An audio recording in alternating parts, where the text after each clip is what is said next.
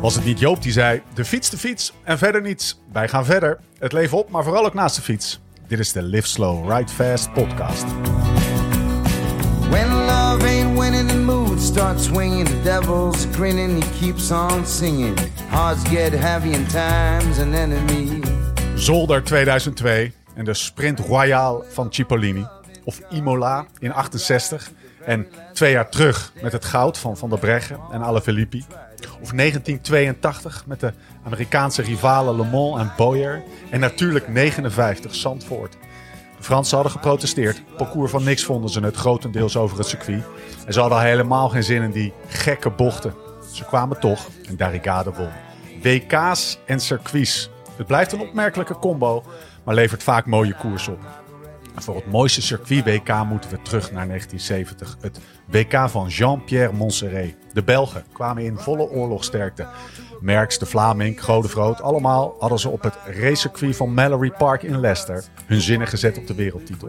Net als die piepjonge Jempie.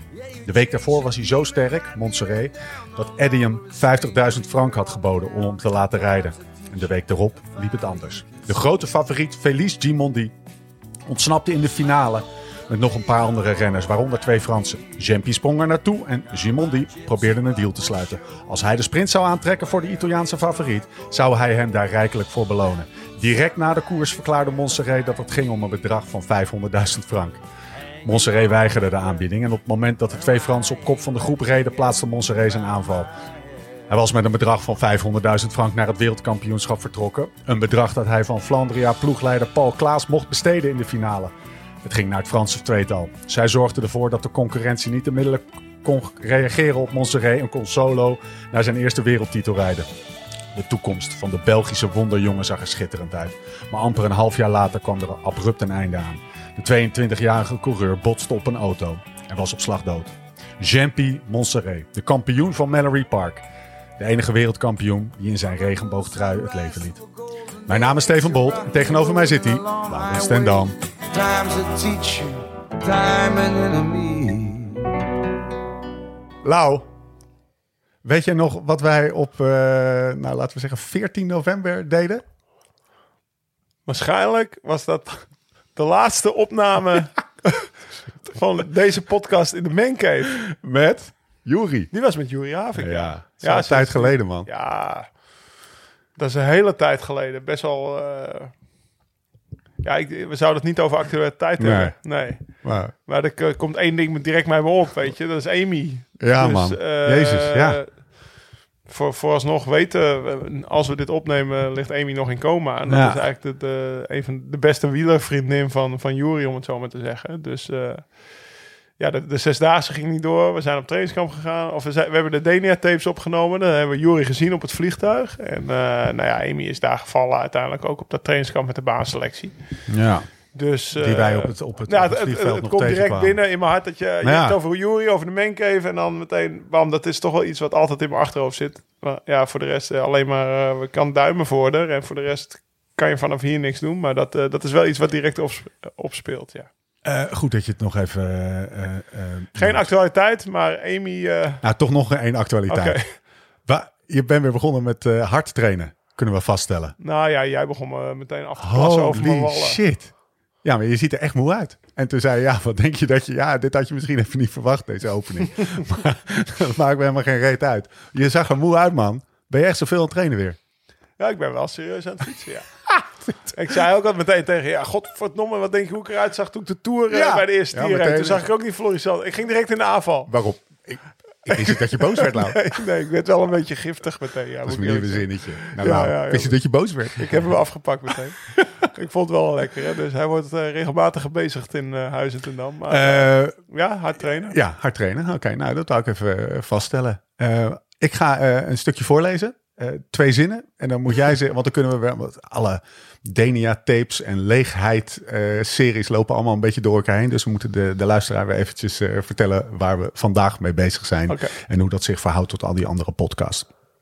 Meroui, Lozère, 26 juli 1977. Warm, bewolkt weer. Ik pak mijn spullen uit mijn auto en zet mijn fiets in elkaar. Vanaf terrasjes kijken toeristen en inwoners toe.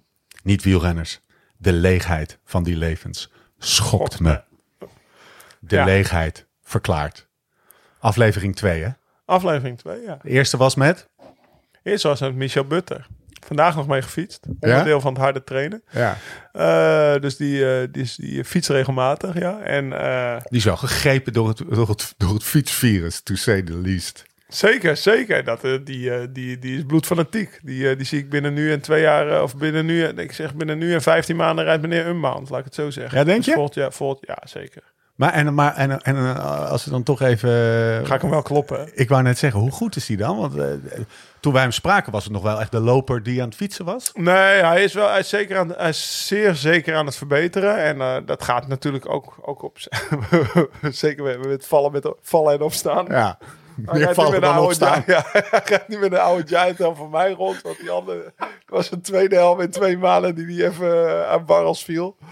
Dus afgelopen zondag... Nee, maar ik had hem... eh, dan gaan we meteen over actualiteit en de winterweek. Maar ik had hem eh, een week op rust gezet tijdens... Want hij was zoveel aan het fietsen. En drie weken terug reed hij echt wel hard. Echt wel dat je achter me reed, dat je op het strand... dat je dacht van nou... Maar vorige week, eh, zeg maar twee weken geleden op zondag was echt helemaal niks. Echt. En ik had al gezien hoeveel hij die week had getraind.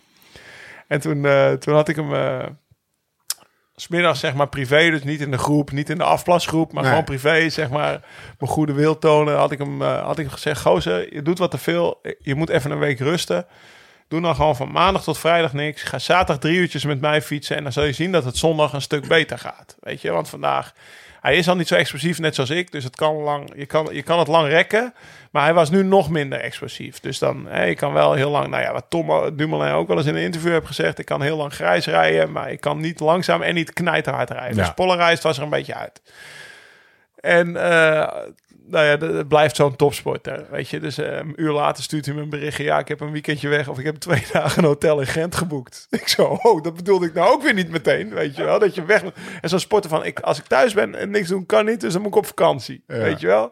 Maar oké, enfin, en toen kwam hij terug en toen eh, stuurde hij meteen in de appgroep, zeg maar, de, wel de afplasgroep van, joh, eh, woensdag trainen. En ik zei, stuur ik hem privé, woensdag trainen. We hadden toch een Ja, afspraak. ja, we hadden een afspraak. Jij gaat helemaal niet trainen. Weet je wel? Oké, oké. En woensdag regende het gelukkig heel hard. Dat was die dag dat ik met Nicky aan het trainen was in de regen.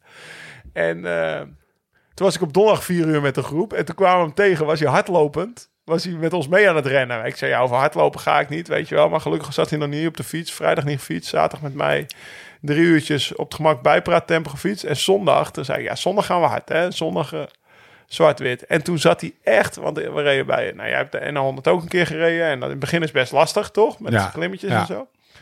Dus wij reden al die klimmetjes over en ik was daar echt wel gewoon, ik had een VO2 max dag, dus ik was gewoon goed aan het doorrijden. Echt wel hard aan het fietsen. En hij bleef maar in mijn wiel zitten. Maar je wist al wel, het is een beetje voor hem op de limiet. En we komen, nou ja, we zijn zeg maar een kwartier ver in het bos. En eh, we rijden door een plas. En hij, ik hoor achter me zo... En daarna al die andere jongens die daarachter reden. Oh, oh, oh, oh. Dus ik voelde me best wel... Dus ja. jij stopte meteen. Ja, we waren met z'n tweeën, maar we hadden die groep weer ingehaald, want die had afgescho- Ja. af- af- afgestoken. En ik schrok me natuurlijk kapot. En ik voelde me ook wel een beetje schuldig. Maar Michel is zo ambitieus. En ik wist van, als ik nu... Ik was natuurlijk ook, ik ben natuurlijk ook wel ambitieus. Dus ik was bezig met mijn blokje, om het zo maar te zeggen. Dat duurde, nou, ik had gezegd tegen Jan, een vriend van me. Jan, tussen, Jan, ik, eh, ik, ik, ik ga nu beginnen met rijden. En in het begin lijkt het misschien niet zo hard, maar dit ga ik tot op het panoramapunt volhouden. Dus ik zou niet overnemen als ik jou was. Oké, oké, oké. Maar ja, iedereen was eraf, behalve Michel. En eh, ik, ik, ik dacht al van, nou, ik ga zeggen, Michel, het gaat best wel hard. Dat, zeg maar, we gaan te hard voor jouw techniek, laat ik het zo zeggen. Maar ja, hij is zo ambitieus, hij gaat dan echt niet loslaten. En nou, hij slaat me daar op zijn bek. En Jan die reed bijna over zijn hoofd heen. Want daardoor brak zijn helm. Want die kwam met zijn pedaal tegen zijn helm. En die, die was echt in twee stukken. En eh, nou, ik voelde me natuurlijk schuldig. En ik rijd zo een beetje, toch wel een beetje traag terug. Want er stond al een hele groep omheen. En ik zie hem zo recht overeind stappen. En hij staat overeind met die helm zo flapperend bij zijn rechteroor. en hij met van die grote ogen. Hij zei, Lau, ik was goed hè? Ik ging hard, hè? Ik zei, ja, je reed echt een stuk harder dan vorige week. Dus nou ja, dat, ik vond het zo mooi om te zien hoe ambitieus. En nou ja, daar, vandaar dus dat ik zeg van, ja, hij gaat volgend jaar echt wel unbound rijden. En dan gaat hij ook echt wel... wel Komt er een zijn. moment, denk je, dat hij je klopt? Nou, ik, durf- ik denk, eh, weet je... Ik En, dan- en dan even gewoon het open en eerlijke antwoord. En niet, Ja, wat ga ik nou- nu antwoorden dat hij dat hij wel blijft fietsen? Nee, nee, nee, helemaal niet. Maar weet je nog dat Jim zei, dat, dat, dat jij zei in een Beter Worden podcast dat, eh, dat je iemand tegenover iemand zat met vier kilootjes te veel. En dat ik tegen Jim zei, nou, ik voel me niet aangesproken. Maar Ja, ik heb dat inmiddels een fietstestje gedaan met Jim. Het waren zes. Zo, ik heb nog nooit zo zwaar op de weegschaal gestaan, Nee. zeg maar. Ja, Dus dat was even een knakje. dat was, die, die nou, een test. knapje niet, maar wel een, een, een wake-up call, Ja, zeg maar. ja, Zo, ja. een, een, een, Zo een, reality check. Ja. Weet je wel, dus ehm, nou, ik, ga, nou, ik ben blij dat ik niet in de Pyreneeën woon en naast Michel, zeg maar. Want die is natuurlijk een stukje lichter en eh, op het vlakke heeft hij het lastig. Maar het is natuurlijk eh, qua bestuur een klimmer. Ja, dus wat dat het, is betreft... een, het is eh, een flow. Ja. Ja, het is een flow. Het is een zo'n Colombiaanse flow. ja. zie papi. Dus, eh, Maar we doen geen actualiteit. we doen geen actualiteit. maar eh, ik ben blij dat de N100 eh 300 hoogtemeter stelt en geen 3000. We gaan onze gast aan het woord laten. Maar niet voordat ik jou vraag ons mee te nemen. Want dan, dat, dat is een beetje te doen gebruikelijk. eh, Beste anonieme gast die hier nog aan tafel zit. We laten je nog niet. We zetten je schuif nog uit. Ehm, naar de eerste keer dat jullie elkaar tegenkwamen. Nou, eh, dat, ik, ik weet eigenlijk niet precies het punt, maar ik weet wel precies het ritje. Want er is natuurlijk nog een eh, best wel een, ik heb een laatste tijd, moet bekennen, wel weinig gefietst. Omdat het best wel ver is vanaf hier. Ja. De, de Case Bowl Classic. Best wel een, eh, een interessante tocht. eh, nou, wij, als wij, Nicky tekent hem dan uit vanaf de Schellingwoudebrug. Want dat is een beetje waar iedereen verzamelt. En vanaf daar is het 100 kilometer door het gooien over allerlei gravelpaden. Dat was denk ik tijdens de eerste ja. lockdown was het. En Nicky zegt, joh, ga je morgen mee de Case Bowl Classic rijden? En eh, hij zegt, eh, er gaan nog wat vrienden van me mee ook. Die ik ken van het Formule 1 café. En eh, die, die fietsen graag. En eh, dat bleek dus eh, Rob Campus, te- of nee, Rob van Gameren te zijn. Rob, ook een Rob. Andere Rob. En, en Renger. Dus, en ik, ik, Rob van Gameren kende ik wel een beetje van, van Twitter, denk ik. Want dat is echt wel een enorme wielerfan. En, die had, Tour de Jour deed hij volgens mij ook. Die had zo'n Lissler Red Vest pet of Ja, ja. t-shirt aan. En Tour de Jour deed hij ook eh, Ja. dingen, dingen in al, volgens mij. En eh, ja, Renger leerde ik zeg maar echt tijdens het ritje kennen. Maar eh, Kan je dat ritje nog herinneren? Renger, welkom in de podcast. Ja, dankjewel, dankjewel. Het is, eh, We zijn 16 minuten onderweg.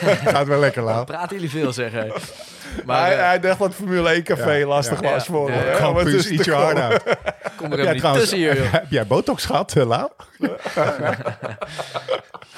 Nee, dat was op Eiburg de eerste keer. En, eh, Ja, ergens daar waren we aan het verzamelen. Daar we verzamelen. Een hele mooie dag ook volgens mij. Hè? Het was ochtends nog een beetje koud en eh, warmde lekker op. Maar eh Ik had, ik had. Ik ik zat had, op ik had turbo's. Bijna turbo. Ik had turbo's waar ik iets te lang op had gereden. Dus ik reed ook drie of een keer lek. Ja, het was telkens de En, professionals eh, die... eh, ja, echt. En Nicky reed reden. waar? Ja, echt. Ja. Nicky en ik schaamden ons kapot. En terecht. En, en, en patronen lenen van Renger. Ja. Ook meteen. Ja, ik Nee, wel- ja, echt.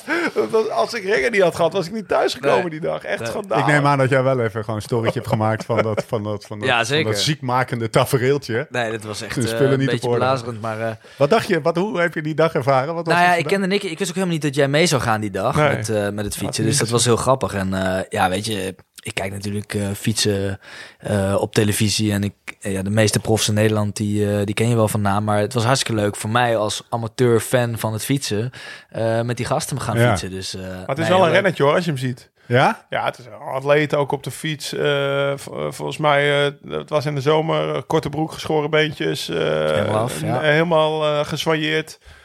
Echt wel gewoon, ze, ja, ziet er wel gewoon uit als een renner. Meteen wel. Maar dat zie je, Beetje, je ziet hem eh, ook wel hier tegenover je zitten, toch? Er zit niet een... eh, Er zit gewoon een fitboy tegen. Ja, toch? Of niet? Ja. hoor. Fitboy.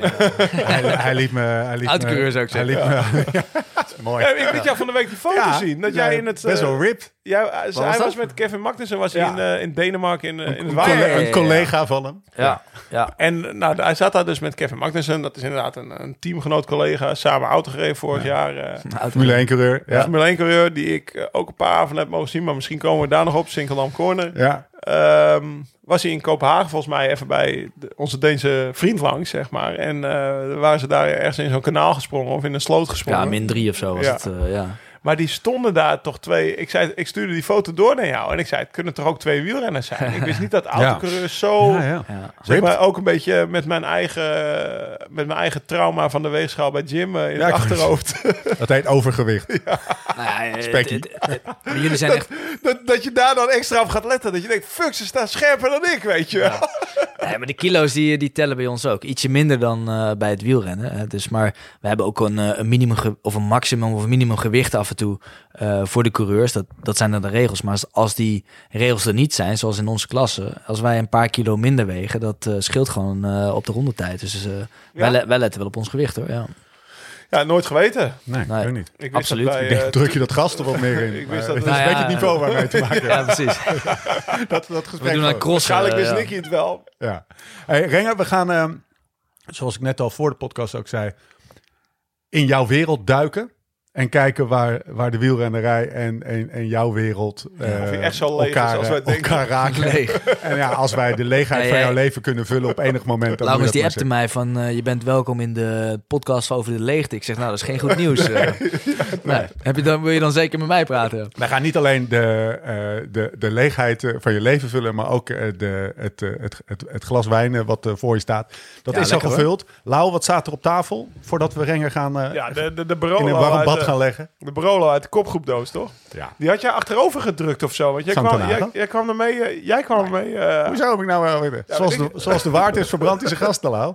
De kopgroep. nou ja, in ieder geval, je had nog een Barolo uit de kopgroepdoos over. Ja. Ik niet. Nee, Oké, dus je had hem nog niet opengemaakt. Dat, dat Nee, was nee, ja, eh, ik, maar top. Ja, ja, Renger is. hij is nog te De koop. laatste keer dat we Renger zagen. Ja, Dat was was ergens dat? in Utrecht. In een, eh, Oh ja, ja, dat was ook een... eh, maar dat was corona. Is het niet coronatechnisch niet heel handig? Dat Nee, corona-technisch was het Maar niet handig. godsamme, wat hebben wij in twee uur veel gezopen. dat was echt gezellig, man. Ja, wat bizar. Ja, echt eh, absurd. Maar ook weer zo'n raar verhaal. Ik bedoel, ik stap die trein in en ik zie een of andere vent met Ja. een vieze fiets. Dus Ja. ik denk, nou, dat was s'avonds om eh Geen 7 gesoigneerde uur. gast. Geen zo, allemaal tassen en eh, weet ik veel wat. Het was rotgans. En, eh, en ik zie gewoon, ik, vraag hem van, heb je lekker gefietst? Hij zegt, nou, ik moet nog. En het was acht uur s'avonds. Het was hartstikke koud in de winter. Dus, eh, en ik ging met mijn eh, fiets ook in de trein om naar Utrecht naar vrienden te gaan om wat te eten en drinken en doen. En eh, hij zegt, ja, ik moet nog fietsen. Ik zeg, ga je nog fietsen? Wat, wat ben je? Nou ja, goed. We kwamen in de praat en ik kwam erachter dat hij met jou ging fietsen, Laurens. Dus ik stuurde jou een middelvinger van hem per WhatsApp. En toen zei ik van, we zitten daar en daar in Utrecht. Kom je langs? Ik denk, ja, die komen toch nooit.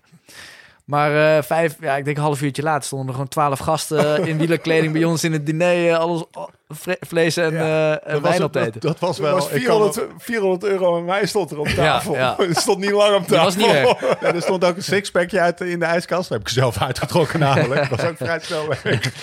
Het was wel een gekke... Een, een, Dat was vrij gek, ja. Als je Vooral het, eh, omdat jullie, zaten gewoon met, met, een paar, met een paar vrienden. Het aantal ga ik niet noemen. Ja, we zaten te gewoon, eh, dineren. Ja, Nou, en- net die jongens overhemdjes aan. Dan kwamen er van die zes, zes van die savages langs. Ja, was leuk. Ja, dat was Ja. echt leuk. eh. Toen moesten wij gezellig. daarna nog we eh, moesten er wel om lachen. 60 Ja. kilometer fietsen of zo, denk ik. Ja. Ergens de nacht in. Oké, de Santanaro uit de, uit de kopgroepdoos 2015. Maar eh, ik kwam daarop omdat ja, Renger die, die houdt dus wel van goede wijn. Er stond, eh, het was Ja. gedecanteerd. Als je, als, ik, als je deze niet decanteert, schiet ik je kapot. ja, maar goed Van die Belgisch. Goede karaffen. Dat was wel eh Ja, dat was zeg maar goed. een avondje dat, eh, dat, ze, Dat dat, is, ze lekker eh, wijntjes aan het drinken waren. Guido Martens die zorgt altijd voor de goede diners. Die ken ik al sinds dat ik heel klein ben. Maar hij is in Utrecht, ik woon in Amsterdam. En eh, hij pakt gewoon eh, altijd goed uit als we langskomen. Dus dat zagen jullie, eh, Ja, dat zeker. hadden jullie snel Hij door. was heel gasvrij. Neus Ja. in de boter. Nu lijkt het alsof ik, Ik het wilde blijven. uit zijn ijskast heb getrokken zonder zijn weten. Maar dat, Dat was ook toch? Hij zei, daar is de ijskast. Ja, gelukkig waren we net klaar met eten. Dus de restjes eh, die gingen er hard doorheen. Maar, Ik wilde niet weg, weet je nog? Ja, ik ook niet. ja, jij We ging als moesten weg, we moesten weg van Ja. Bruno. Maar jij zag het eh erbij al hangen. Want je moest ergens gaan kamperen. Ja, we gingen kamperen. in een tentje met, eh, met vijf graden. Ja, het zat zo. We, we gingen kamperen die avond. Zeg maar 50 kilometer fietsen was het denk ik vanaf Ja, de jaarbeurs. ja, en binnen twee kilometer stonden we bij Rengen. en moesten we 48 Ja. kilometer fietsen. En Bruno En het was, was aan het 11 uur s'avonds. En die zei, gasten, dit kunnen we toch niet filmen. Want je kan leuk dat je een soort van huisfeestje crasht. Maar dat is gewoon... Dat is, dat is Even niet de tijd van het jaar. eh, Nee. nee. Dus, niet echt, eh, eh, maar dus laten we gaan, laten we gaan. Ja, ik vond het wel lachen. Wij moesten er allemaal wel om lachen. En ik stond huis vol, helemaal met, vol met grote mannen met tattoos en petjes en, eh, en allemaal fietskleding aan. John Woodruff trok Ja. al zijn kleren uit. Die ging zo, met zo'n met zijn hemdje ging hij zo. in zijn- Ja, het was een soort eh boyshow dat eh, in één Oh ja, keer. wel showen. gezellig. Oké, ehm, dat hebben we gehad. We gaan aan de slag. Renger van der Zanden, Dodewaard, 16 februari 1986. Nederlands autocoureur. Van 99 tot 2004 actief als kartert. Maakte op zijn 17e de overstap naar de autosport. Reed in de Formule Renault A1 Gra- eh, GP, GP, hoe zeg je dat? Eh, ja. AEGP. Niks, daar zit niks Frans aan. Ja. Ah, oui, oui, oui, le Formule 3. Ja. Ehm, het DTM-kampioenschap, prestigieuze Duitse toerwagenkampioenschap. Ja. Heb je gereden. Kende in 2012 sportief gezien een minder jaar, maar startte zo'n loopbaan als ondernemer op. Klopt. Kreeg in 2013 de kans om in Amerika aan een race op het circuit van Laguna Seca mee te doen en zette zijn eerste stap in de Amerikaanse racerij. Rijdt sindsdien zijn races in Amerika. Beleefde zijn sportieve hoogtepunt op zondag 27 januari 2009 toen hij, toen hij samen met zijn teamgenoten Jordan Taylor, Kamui Kobayashi en Fernando Alonso wielrenner, als eerste over de streep kwam bij de 24 uur van, de, bij de 24 uur van Daytona. Juist, Wat ja. toch wel heel veel mensen zullen kennen om dat kunstje een jaar later te herhalen. Is naast zijn tv-optredens en al die andere gemotoriseerde spielerij vervent fietser. Want één ding is zeker, de leegheid moet gevuld. Welkom in de podcast, Dankjewel. Renger van der Zanden. Het is mijn indruk dat jij zo'n beetje twee carrières hebt eh, in, de, in, in het autoracen. Ja, Ervaar je dat zelf ook zo? Ja, wel een beetje. Ja. Het was echt een carrière als junior eh, in de autosport komen. En eh, ik denk dat wat het moeilijke is aan de autosport, is dat er heel veel geld in gemoeid gaat. Ja. Dus eh, voordat je in zo'n auto zit, hoog.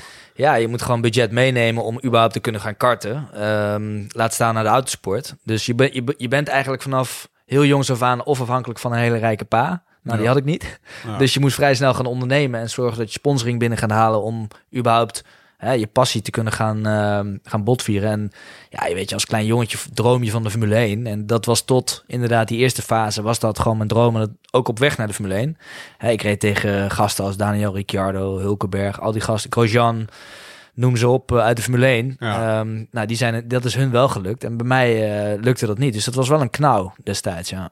Hoe is die, eh, want ik weet als, als, eh, als eh, ook van horen zeggen hoor, ik ben het zelf niet, maar dat, de toetredingsdrempel in het wielrennen is ook hoger dan die lijkt. Hè. Je, natuurlijk, je hebt een fiets en je kan gewoon Ja. je wedstrijdjes fietsen, maar op het moment dat je koers moet gaan rijden, moet je er echt ben je afhankelijk van of een, een, een clubbegeleider of een, of een vader en een moeder die alle fietsen in de auto gooien en dan ga je weer naar België of naar het noorden of zuiden van het land. Ja. Daar heb je ook hulp bij nodig, zeg maar anders dan bij voetbal. Of, maar daar zit die, de kapitaal, die investering is daar niet mee gemoeid. Geef eens een beetje een beeld van, wat, wat moet je dan, als je gewoon als eh, goede junior wil karten, moet je dan 10.000 piek hebben? Of 50.000? of 100.000? was maar waar. Ik ken, Eh, ja. ik, ik, ik ben met Renger eh, een, weekendje, een weekendje weg geweest in Amerika, Mid-Ohio. Ja. Leesverhaal gehoord, zeg maar. Ja? Nou, dan ben je met 10.000 euro, ben je er niet. Ik heb geen idee. ik heb letterlijk, weet je, er we zijn geen clubs of zo. Er zijn wel bonden en eh, kijk, een, een, eh, een junior, junior ja, noem je dat, eh, opleidingsprogramma's zoals Red Bull kent en eh, Mercedes en BMW, die hebben allemaal wel eh, junior programma's. Maar als je gaat karten vandaag de dag, dan denk ik dat je, als je begint, gewoon 30.000 euro ben je wel verder. Als Bodie wil gaan karten. Ja, dan Ja, gaat hij gewoon, eh, zoon. Ja. Dan koop je een kart of dan koop Ja. je een zitje bij een kartteam. Hè? Dat kan je ook zo zeggen. Ja. Ehm, en dan ben je gewoon 20, 30.000 euro voor een NK en een beetje extra wedstrijden en trainen NK. eh, ben je kwijt. Maar Ongeacht talent. Ja, onge- ja, nee, dat, eh, dan koop je jezelf gewoon in en dan ga je Ja. racen en dan ga je kijken of je goed bent. En ehm, dat is ook vaak het probleem. Dat was ook bij mij het probleem. Ja. Ehm, dus elke stap die je maakt verdubbelt je budget. Ehm, Terwijl je Dus- goed was. En omdat ja. je goed bent, maak je die stappen. Exact. Dus je bent goed. Dus je maakt de volgende stap en dan verdubbelt je budget. En dan zegt je vader van, eh, nou, volgend jaar gaan we wel even kijken of we doorgaan, want eh, het wordt wel heel duur. En dan vervolgens win je de eerste wedstrijd en de tweede wedstrijd, ja, kut, dan moeten we door. Ehm, en zo is het eigenlijk bij mij ook gegaan. En eh, in de karting ben je op een gegeven moment ton, anderhalf, eh, ben je wel kwijt. En op een Ehm, gegeven moment hebben jullie, eh, zeg maar na 2012, zat je met een miljoen.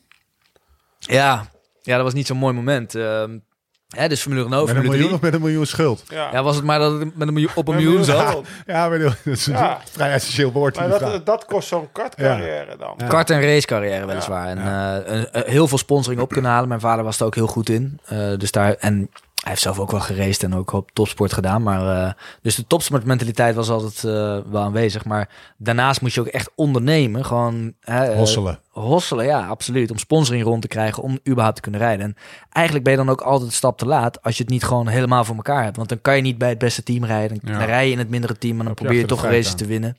En, maar we hebben, dat, we hebben dat absoluut goed, goed, gedaan. Hè, Formule 3 reed ik gewoon van voren en Europese kampioenschappen. Macau is altijd een hele mooie wedstrijd in, eh, bij Hongkong.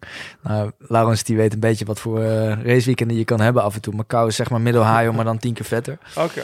Ja, Macau is toch een beetje Las Vegas van China? ja precies. Een gokparadijs. Ja, Dus, eh, echt, waar de mensheid, het, al En het daar goede van de maar mensheid reed je daarvoor een. Europees kampioenschap was dat gewoon... Dat was eigenlijk een soort WK-wedstrijd. WK, gewoon een soort eh, final, zeg maar. Maar, eh, maar je zei het eh, net al even. Van eh, 2011 reed ik DTM, 2012 stond ik langs de kant. Eh, had ik geen zitje. Toen kozen ze voor... eh, bij ons heb je ook heel veel te maken met marketing. Dus ze kozen dus destijds... Terwijl ik harder reed dan die gasten... Reed, kozen ze voor David Coulthard en Ralf Schumacher. Dat waren gewoon grote namen. Ja, Ja. Ja. Daarvoor, daardoor verkopen ze bij Mercedes gewoon meer auto's. Laten we, laten we wel zijn. Beter dan als je Ringer van de Zanden aanneemt. Ja, ja. En, eh, maar er waren een aantal foute contracten en eh, foute managers en eh, dat soort dingen. Dus toen stond ik er best wel slecht voor. En ehm, toen ben ik aan de slag gegaan als ondernemer, wat je net zei. Ik heb een bedrijf opgezet voor verzekeringen voor raceauto's. Ik kende de verzekeringen niet, maar de autosport wel heel goed. Ja. En samen met Ronald van der Laar, die kende de verzekeringen heel goed, zijn we begonnen. Vrij snel geviseerd met een ander bedrijf. En eigenlijk omdat ik met die verzekeringen op het circuit liep van... hey, wil je alsjeblieft mijn verzekering kopen? Zeiden die teams van, maar waarom race je dan niet meer? Wil je niet aankomende zondag over twee weken eh, in mijn auto rijden? En ehm, ja, sorry, ik heb alleen geen budget om mee te nemen, maar... eh, ja, ik betaal mijn vlucht en mijn hotel wel. En eh, toen dan kruipt het ook niet waar het... Ik was echt gestopt, hè? Dus gewoon gestopt met racen. Dan kruipt het ook niet waar het gaan, gaan kan. En dan boek je dat vluchtje en die... En, die, ehm, En zo ben je teruggekomen. en zo ben ik teruggekomen. En op een Oh, gegeven moment zei... Op een gegeven moment zei iemand in Amerika die zei... Ik heb een race in Laguna Seca. Wil je komen? Je betaalt je vlucht en je hotel. En ik keek letterlijk op mijn bankrekening van ja... Ik heb nog eh 1750 Je euro was ook bezig om een miljoen staan. terug te betalen, zeg maar. Ja. Exact. En eh, ik zei, nou, die Maar 1200 wel euro eh, toch maar gedaan. En toen is het gaan lopen. Ja. Dus dat was wel mooi. Vet verhaal. hè. Ja, heel vet verhaal. Ja. Hoe, ehm, eh, nog heel, met nog met heel, zijn ass onder lijn gestaan. Ja, joh. toch? Ja. Maar het klinkt ook, wat ook, eh, ehm, Maar dat is heel zaak, zakelijke kant van de sport. Ik bedoel, Ja. er zit ook een hele mooie sportieve kant. Ja, Want eh, dat heb ik net opgeschreven, vraagteken, weet je, want we hebben het nu over, eh nou ja, we hebben het vooral over geld, zitjes Juist, kopen ja. bij een kartteam, dit, eh, terwijl ja, racen, eh, nou ja, ik heb, ik heb, het opge ik heb denk jou meteen geappt, nou, ik heb Verstappen zitten kijken hier met de kinderen. Ja. En eh, eerst was eh, Jens, Wat een wedstrijd, hè? Jens, die, ja, precies, de laatste wedstrijd. Ja. Nou, eerst dacht Jens van, eh nou, over Bodie, ik heb er niet zoveel zin in. En op het laatst zaten we hier met z'n drieën, die laatste, nou ja, die laatste ronde natuurlijk helemaal, in die tv en te schreeuwen en te doen. Ja, ik ook, ja. En er was, er was niks anders dan, zeg maar, Max die, die als eerste over de meet moest komen. Weet Ja. je wel, er was geen eh boodschappen. Was, je zat in, echt in een moment. En dat is echt sport zoals sport voor mij moet zijn. En dat, dat kan dus ook met autosport. Want ja. Ja. dat gebeurde hier gewoon in deze mancave. Terwijl een test... Ik, ik, terwijl je toch niet de grootste autosport-fan Nee, bent of en ik heb de test van Tess, je moet nu komen, want wat er nu gebeurt. eh, Bijzonder. we zaten hier met, met vieren in die mancave te brullen. En eh, dat is toch heel bijzonder. Maar dan, als je dan dus ook weer die achterkant hoort van... eh, en natuurlijk speelt het in het wielrennen ook wel, hè, met, met namen en kruiwagens. En, en dat, Ja. Bij een Max ook in het wielrennen. Ja. Nee, nee, met het Over in het wielrennen. eh, ja, ja, ja, ja. Conti-ploegen, eh, namen. Oh, Het, nou, hangt, het hangt natuurlijk in elk sport eh, en ook in het wielrennen af van wie je kent, wie je tegenkomt. Ja. Of je net even ergens een afslag Maar neemt. Of een, je wel of niet op je ja, ook een. Jos, Jos Verstappen hè, met Max, die is ook all in gegaan. Ook financieel Ja. all in gegaan om Max dit te kunnen laten Ja. bereiken. En dat is het stomme aan die uitsport, het vervelende aan die uitsport. Maar ja, eh, als je ergens passie voor hebt, dan ga je er Ja. diep voor. Dat? dat zie je in het wielrennen, dat zie je in de uitsport. Je gaat, alleen de toppers komen bovendrijven. Ja. En uiteindelijk is dat ongeacht geld, of je nou geld voor elkaar krijgt om je passie te kunnen doen, of heb je het al, maakt dan niet uit. Je komt er toch wel als je goed genoeg bent en je gaat ervoor en je geeft 100%. En dat is Eh, met wielrennen denk ik ook zo. Helemaal eens. Alleen ik heb wel het idee als het de piramide is, zeg maar. En, en dat de top in het, ook door die toetrainingsdrempel, maar ook omdat er minder, zeg maar, eh, sporters echt aan de top staan. Omdat er gewoon minder plekjes zijn. En dan heb je Formule 1, maar heb je natuurlijk ook die andere klasses nog. Ja. Kijk, een peloton, hoeveel professionele wielrenners zijn er in, in, op de wereld? Laat het er duizend of zo, of 2000. Zoveel professionele Ja, autocoureurs maar zijn er niet. dat dacht toch? ik ook. Totdat ik naar Mid-Ohio ging. Ja, daar ben je geweest. Daar ben ik dus Ja. geweest. Ja. Eh, ik, eh Renger smokkelde me Amerika in. Ja. Ik was zijn helmen poetsen. Dat verhaal Ja, dat is wel dat eens moet je zo verteld, nog even maar, eh, vertellen. de Corner. Eh, maar daar zie je dus... In Amerika is er een circuit van, van zeg maar... eh, rijke mannen. Met, eh, het huis met de 18 schoorstenen is ook wel genoemd. Ja. Die dan... eh, want in Amerika... Ja, de- daar is het op een of andere manier zo... dat je één auto met z'n tweeën deelt. Ja. Nou, dat heb je ook Of wel. Je hebt, je hebt verschillende races. Formule 1 is gewoon één gast in een auto. Max tegen Alonso. En, eh, en dan heb je 22 van die auto's bij wijze van spreken. Of 18. Maar ik weet niet eens hoeveel, hoeveel rijden er 1. Maar ehm, Serieus? ja, zou ik moeten Stel je weten. dit. En ehm, Luistert niemand die van mij... Vraag even aan Rob. Vraag even aan Rob. Nicky. We bellen Nicky. Nicky weet het wel, ja. Is Je kan het uitleggen even aan tafel. Een echte autosportliefhebber. Nee, dus... eh, Nee, maar daar rij je alleen in een auto. Maar Ja. da- daar... En bij ons rijden ook in Le Mans Series, dus ook in Le Mans, eh 24 uur van Le- Le Mans rijden met z'n drieën op een auto. Maar ook in Amerika rijden met z'n tweeën of drieën op een auto. We zijn Dat- één ding En, maar da- daar heb je dus heel veel huurlingen. Want je hebt Ja. het over profs. Dus Ja. daar kwamen we Little Sushi Ja. tegen. Of Ja. de wat... Little sushi. ja, Ja, nou, dat is, dat is een verhaal apart, Wat maar... praat jij voor taal, man? Ja, ja, Hij, hij zit helemaal in de autosport, hoor je dat? Ja. De leegheid. En eh, die jongen uit, uit, uit eh, Schorrel, of eh, die, die, die eigen kartding heeft, die bij ons in het vliegtuig zat. In die dontje, ja. ja. In die Dontje, Ook dus een Nederland. Big Hamburger. Ja. Ken, je- ken je niet? Nee. Nee. Is dus iemand die wordt ingevlogen vanuit Nederland naar Amerika om dus samen met Ja. zo'n rijke stinkert. Dus, Ja. dus dan is hij de echt snelle professionele coureur die betaald krijgt om die auto Ja, te rijden. ja. En die andere is degene die die auto betaalt. Dus er is... eh, Er Eigenlijk is, zeg je tegen mij, het zal je tegenvallen. Het- het- Hoeveel mensen hoeveel nog- mensen deze sport beoefenen. Ja, toch Ja, nog er wel geld mee verdienen. Ja, ja, Ja. Zeg maar. Dus er zijn veel mensen die geld betalen om het te mogen doen. Ja, precies. Maar zeg maar de, de, de, de, de little sushis en tontjes van Nee, deze maar wereld, dat die is, krijgen... dat is, eh, eh, am- ja, je hebt amateur, je hebt eh, semi-prof en je hebt prof. En ehm, ja, of je ervan kan leven, hè, dat, dat is dan als je zegt ik ben prof. Dan, eh, dan zijn dat er echt niet heel veel. En zeker niet in Nederland. Misschien een stuk of eh, vijf, zes, misschien zeven. Eh, maar over de hele wereld heb je natuurlijk wel eh, per land eh, misschien eh 10, 15. We zijn vrij klein Ja. in Nederland. Ehm, die ervan kunnen leven. En ik denk dat ja, de autosport ehm, kun je op heel veel verschillende levels doen. Formule 1, eh, je kan het nationaal hier een beetje doen. Dat is echt hobbymatig.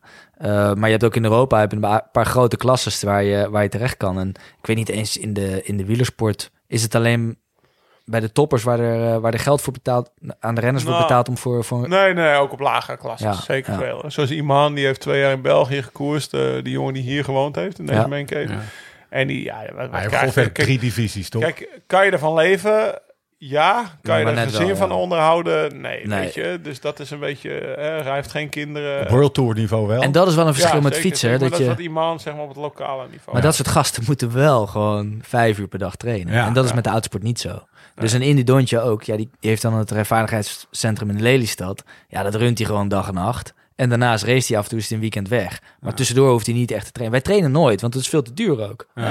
Ja. Ik vind het ergens wel jammer dat het alleen maar over geld gaat tot nu toe. Ja, maar ehm, eh, het, is- het is wel een belangrijke factor bij de autosport. ja En, dat ehm, is precies. Dat is ja, de- als wij gaan testen met... Steve Geef zijn ogen gaan glimmen. Hij denkt af en toe een weekendje weg. Lekker racen. En kan ik ook. Ja, maar ik zie ook dan... eh, Maar als je het hebt over topsport in de auto, ik Ja. moet wel gewoon 3,5 uur achter elkaar op Daytona gassen. Ja, dat hou je gewoon niet vol als je niet fit bent. We zijn één ding over, eh, zijn we vergeten, hebben we overgeslagen. Namelijk, wat voor sport doe je? Dus ik snap dat je in een karretje zit en gas geeft. En als er snel mogelijk mee probeert te zijn. Maar je hebt allerlei verschillende disciplines. Wat is jouw discipline? Nou, ik, eh, ik moet echt fitnessen om eh, sterk genoeg te zijn. Mijn nek moet heel sterk zijn, mijn pols, mijn armen, mijn bovenlichaam moet heel sterk zijn. Dus dat doe ik in de gym.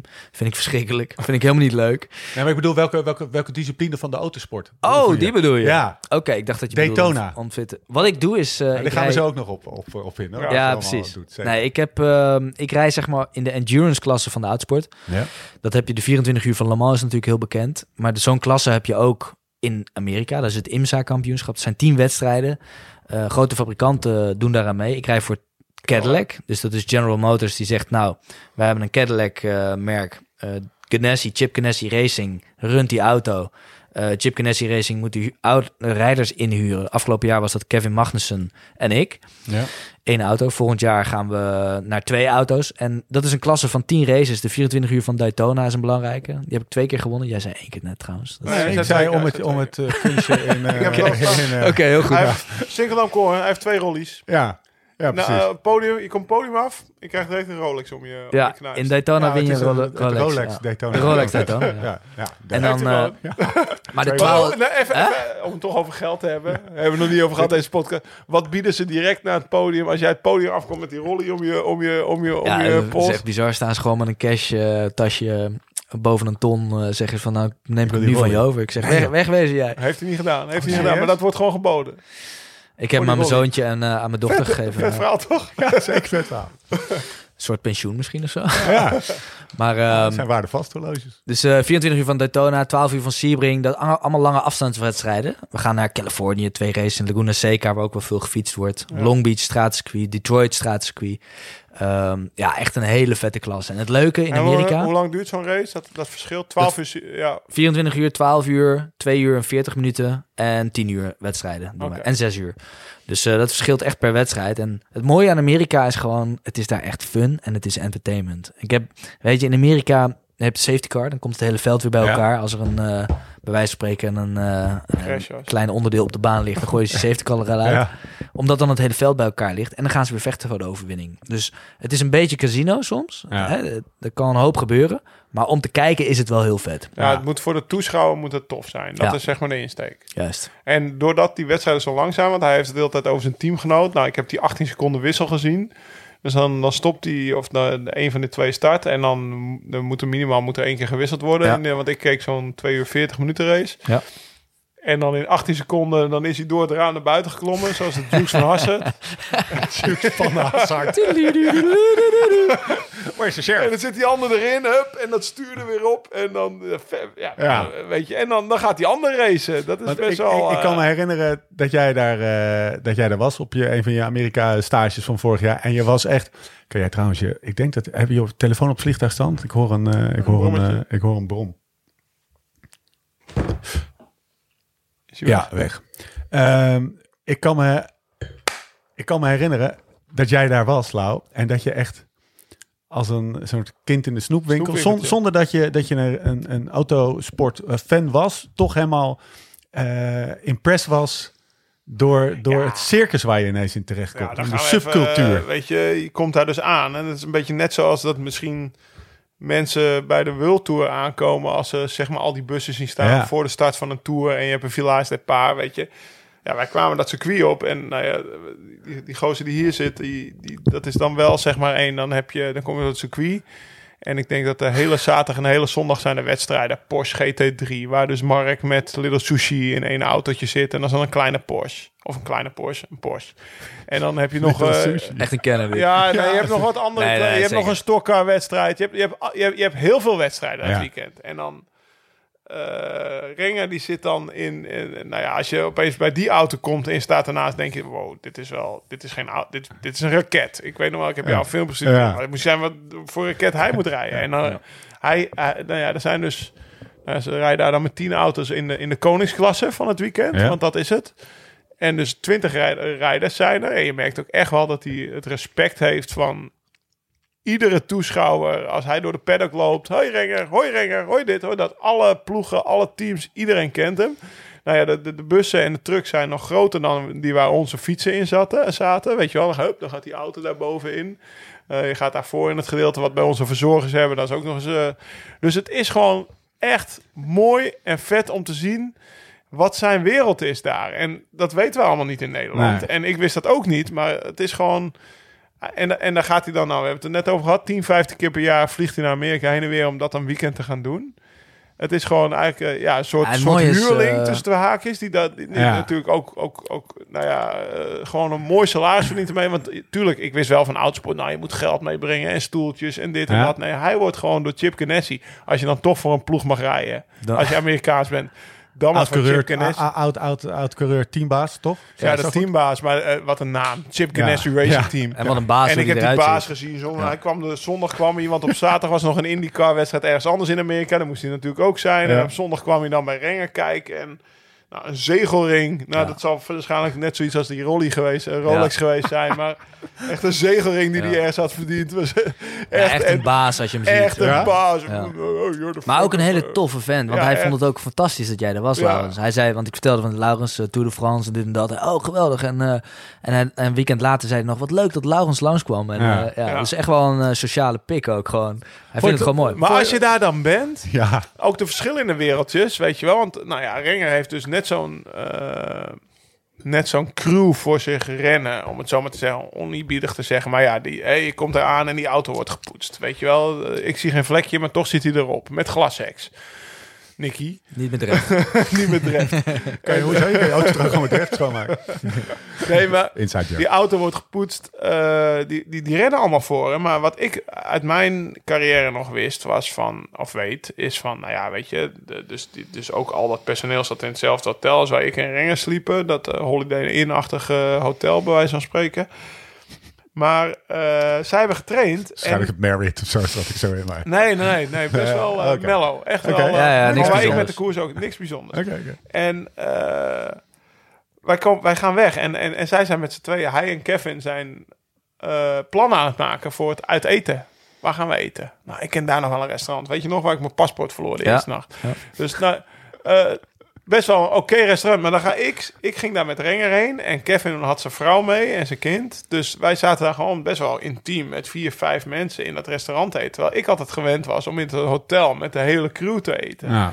En zo van, nou jongens, wij gaan eten. En eh, oké, zie je morgen half acht op de baan voor de eerste vrije training. Zoiets was het, of acht uur, gewoon een tijd. minder een teamsport, is dat ook een beetje wat je zegt? Eh, Minder dat je als team optrekt. Ja, Ze hadden gewoon de vrijheid om daarna nog zij, eventjes- ja, precies. Bij onze renners apart eten. Dat maar dat is ook wel iets Amerikaans hoor. Want die Amerikanen dus, zeg maar, die hadden dat wel meer. Zeg maar ook al in het Amerikaanse continentale Ja. racecircuit. Zeg maar wielrenracecircuit. Als, als Mike Teunissen na een etappe van de Tour even bij van, de, ja, ik ga even uit eten met die- Buffalo Grill gaat eten, dan, dan wordt belt Marijn grap- hem op. Ja, wordt niet geapprecieerd, weet je. En eh, nou, ze gaan er goed mee om hoor, met Ja. die vrijheid. Maar die vrijheid is er. Ze, ze, ze, ze worden ingehuurd door, door Chip Ganassi om gewoon die Cadillac eh, vooraan te, neer te zetten eigenlijk in de wedstrijd.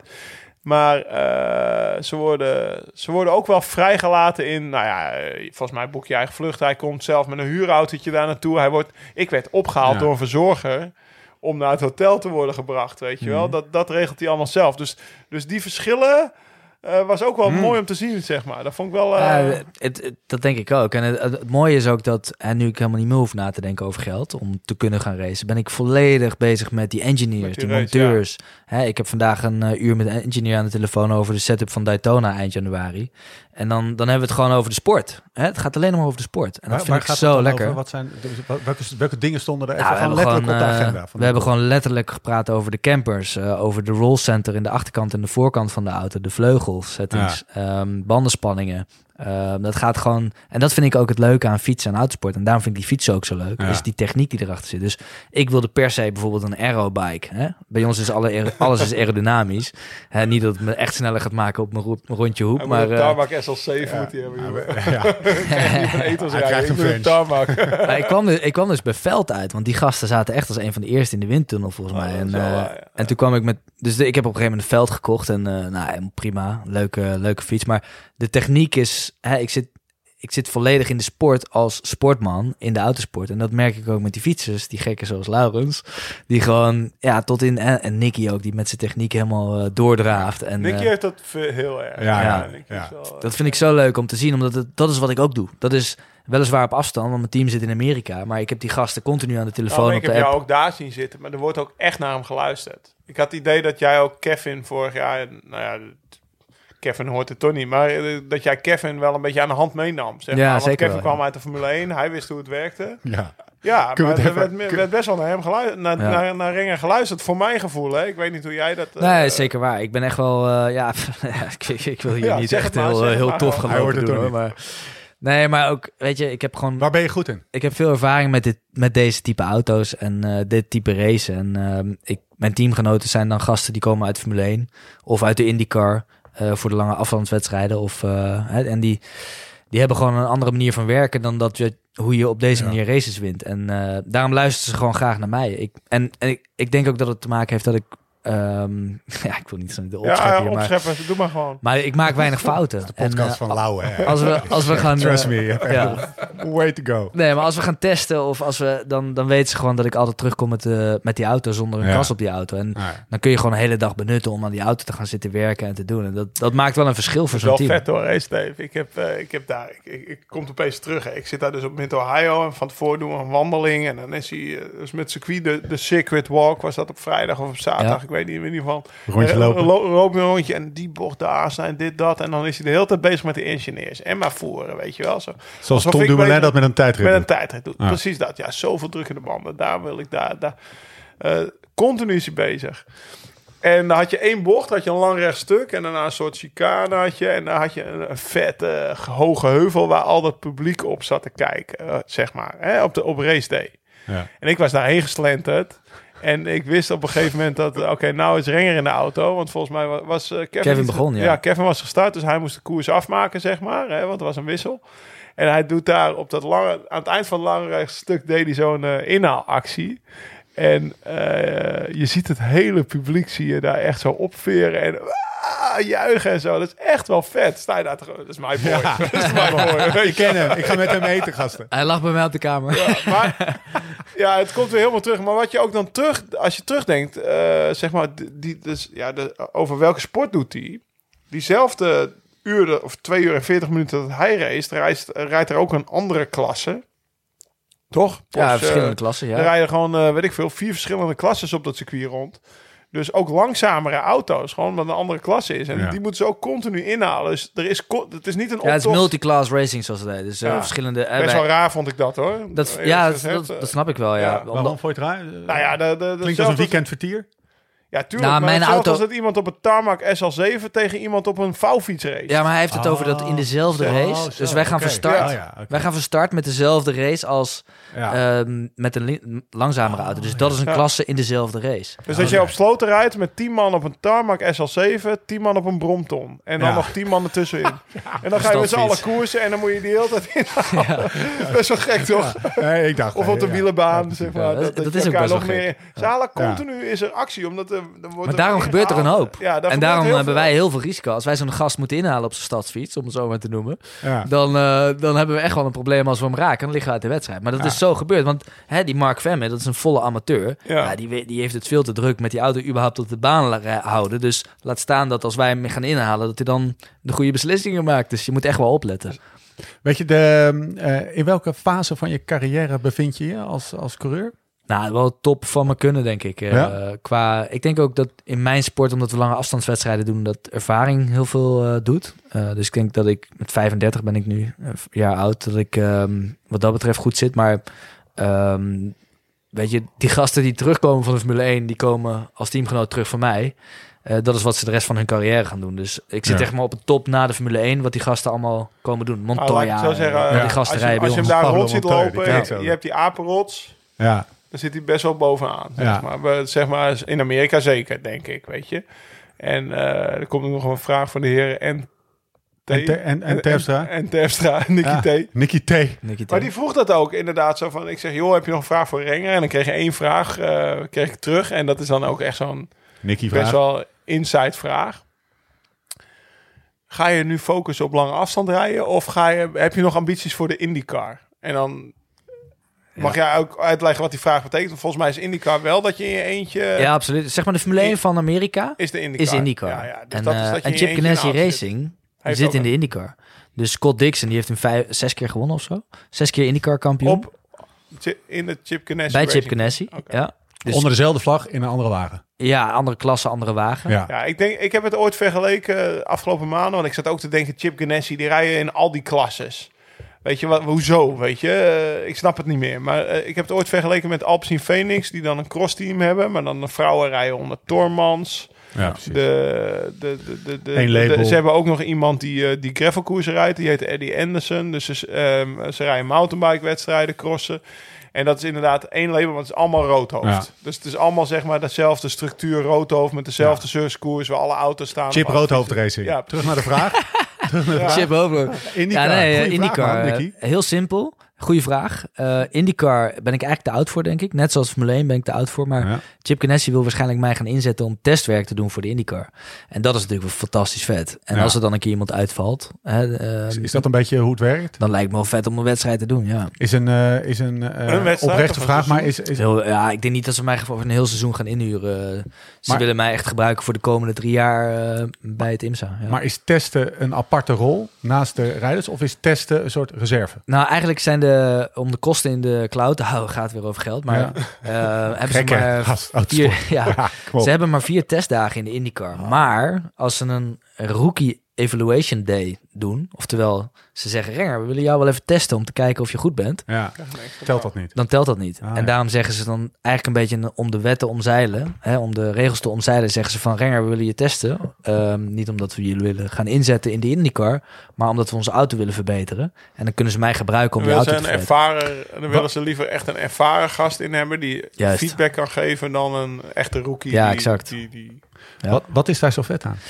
Ja, het is toch wel, weet je, ik kijk naar die wedstrijden IndyCar en eh, ja, geweldig. Ik bedoel, ehm, dat is toch de Formule 1 van Amerika. Hè? En Formule 1 is wat voor mij nooit gelukt is. Ik ben nooit in Formule 1 beland. Ehm, was natuurlijk wel een jongetjesdroom. En eh, dat is IndyCar natuurlijk ook. Is gewoon eh Arie Luijendijk, hè, onze Ja. Nederlander, die, eh, die heeft het goed gedaan daar. Rinus VK op dit moment doet het heel goed in de IndyCar. Ehm, ja, het is wel gewoon een klasse waar je als jongetje van droomt. Dus, misschien, misschien stel ik eh, vragen die ik niet moet Ja, stellen. doe maar, maar doe maar. Formule, hoe verhoudt voor jou even gut feel, gewoon liefde voor, voor, je, voor je vak, Formule 1 zich tot IndyCar? nou, Formule 1 is de top of de top. Ja, is Formule Ja. 1 nog, nog een Ja, tandje? zeker. Ja. Waar, maar als ik bijvoorbeeld als je nu zou zeggen, Renger, eh, je kan bij Ganassi die komende drie jaar rijden, Ja. krijg je goed betaald, kun je goede races winnen. Of je rijdt achteraan bij Haas in de Formule 1, krijg Ja. je ook goed betaald, maar rij je achteraan, dan zeg ik sorry, maar dan, dan Ja. doe ik dit liever. Ja. Ja. Oké. En Magnussen ook, hè, die komt van Haas, reed die achteraan en hij zegt, ja, ik ben zo blij dat ik uit de Formule 1 ben, omdat ik reed daar eigenlijk voor spek en bonen mee. Ehm, en ik heb hier echt heel veel lol in het spelletje racen. En eh, als je ziet wat we meemaken, nou, die Mid-Ohio is natuurlijk een geweldige eh, weekend geweest. Maar eh Sebring 12 uur, ja, ik heb gewoon, hè, zoals jullie passie voor, voor fietsen hebben, heb ik echt passie vanaf dat ik drie was voor autosport. Mijn moeder zei op een gegeven moment, koop alsjeblieft een kart voor die jongen, want het wordt een obsessie. Mijn vader wilde helemaal niet gaan racen met mij.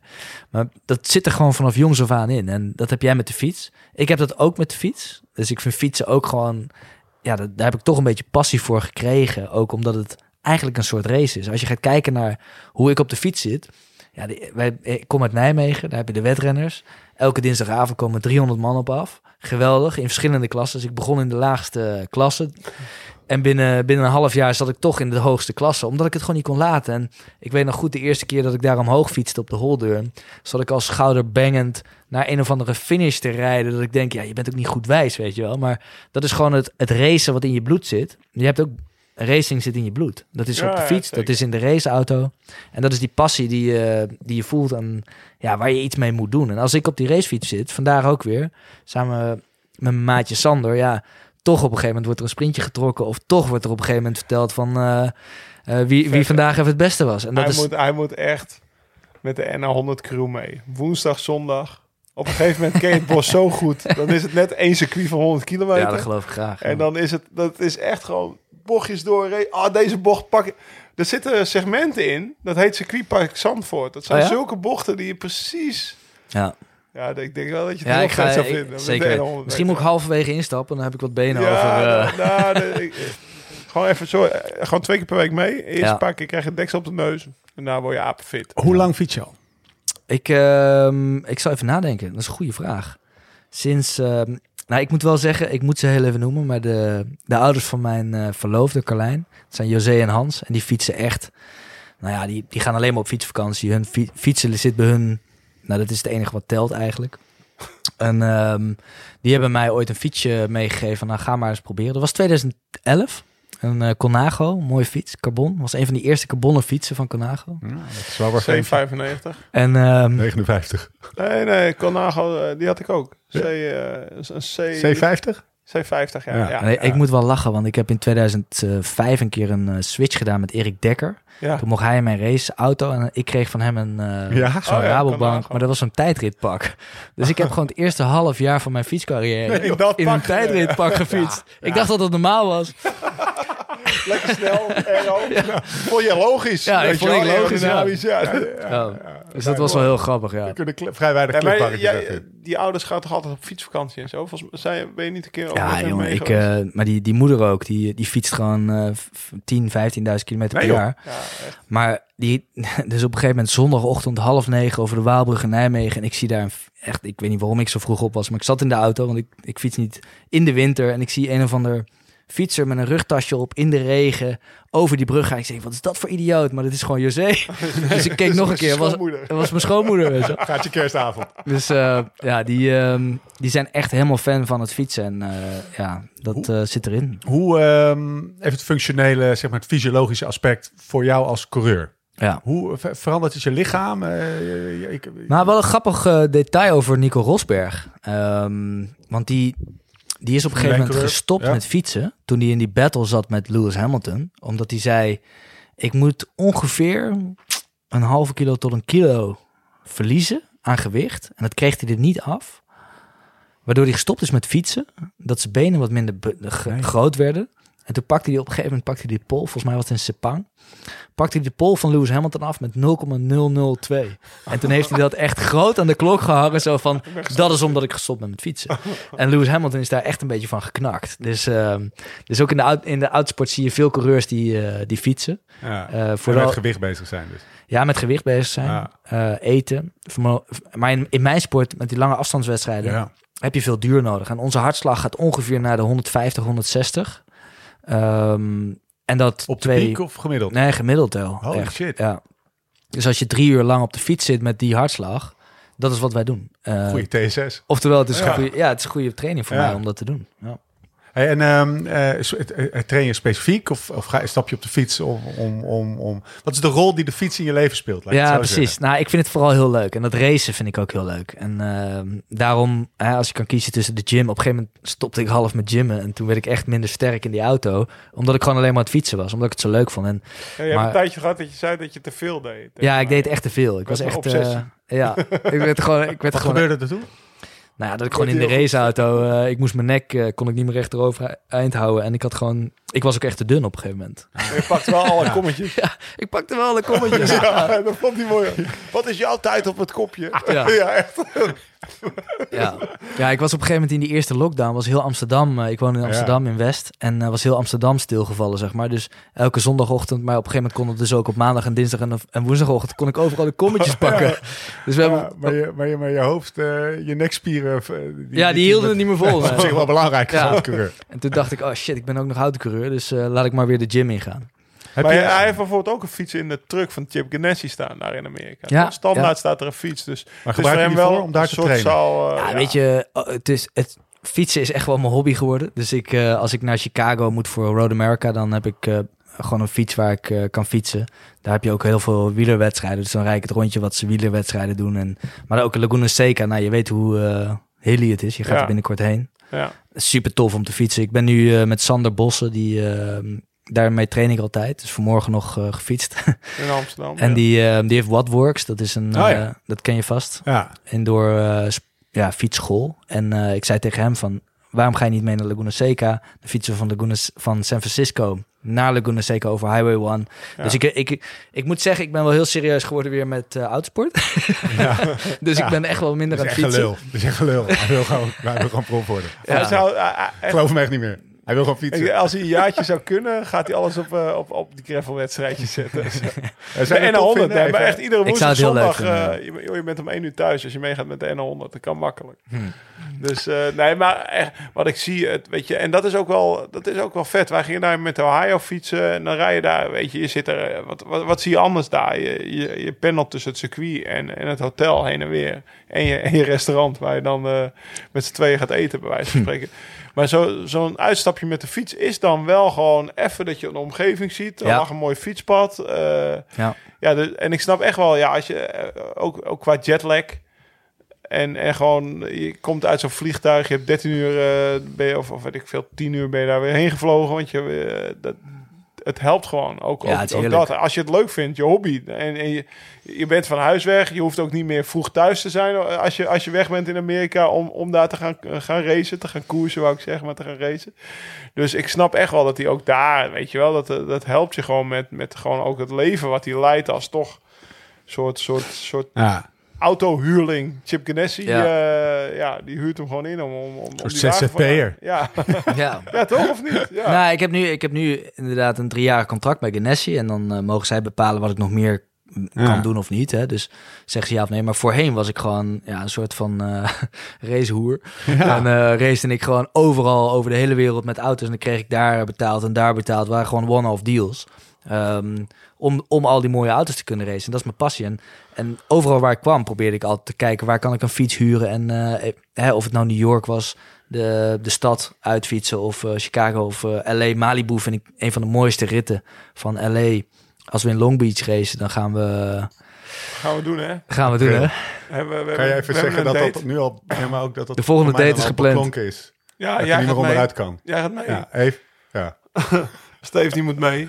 In april gaan we naar... Ik moet racen op Laguna Seca om een mountainbike-wedstrijd te rijden. En, en Renger rijdt datzelfde weekend, dezelfde dag. Dus 9 april volgens mij rijdt hij op Long Beach, dat stratencircuit waar we het net over hebben. Hoe lang, moet je, hoe lang is die koers voor jou? Eh, volgens mij is die maar Wedstrijd, 100 minuten trouwens, die wedstrijd. Oh, ja. dus hij- Ja. ik, ik hoopte eigenlijk dat hij 10 uur zou zeggen. Want ik moet dus van Laguna Seca's... Ik had, eh, we hebben het even... We kwamen daar in Utrecht, kwamen eh, zeg maar de 400 Even euro. terug. Even terug, even terug. Dat, six, dat Waar- sixpackje. Ja, kwamen we dat sixpackje opdrinken. Ja, ik, eh, ik zit in april in, eh, in Californië. Ja, ik zit ook in april in Californië. Dus eh, toen, eh, kwamen, toen, toen is snel de afspraak gemaakt dat ik eh, twee dagen of één dag langer blijf. Om, eh, om na mijn wedstrijd naar Laguna Seca te roadtrippen. Dat is, of eh, van Laguna Seca naar Long Beach te roadtrippen. Zes uur rijden heb ik al even snel opgezocht van de week.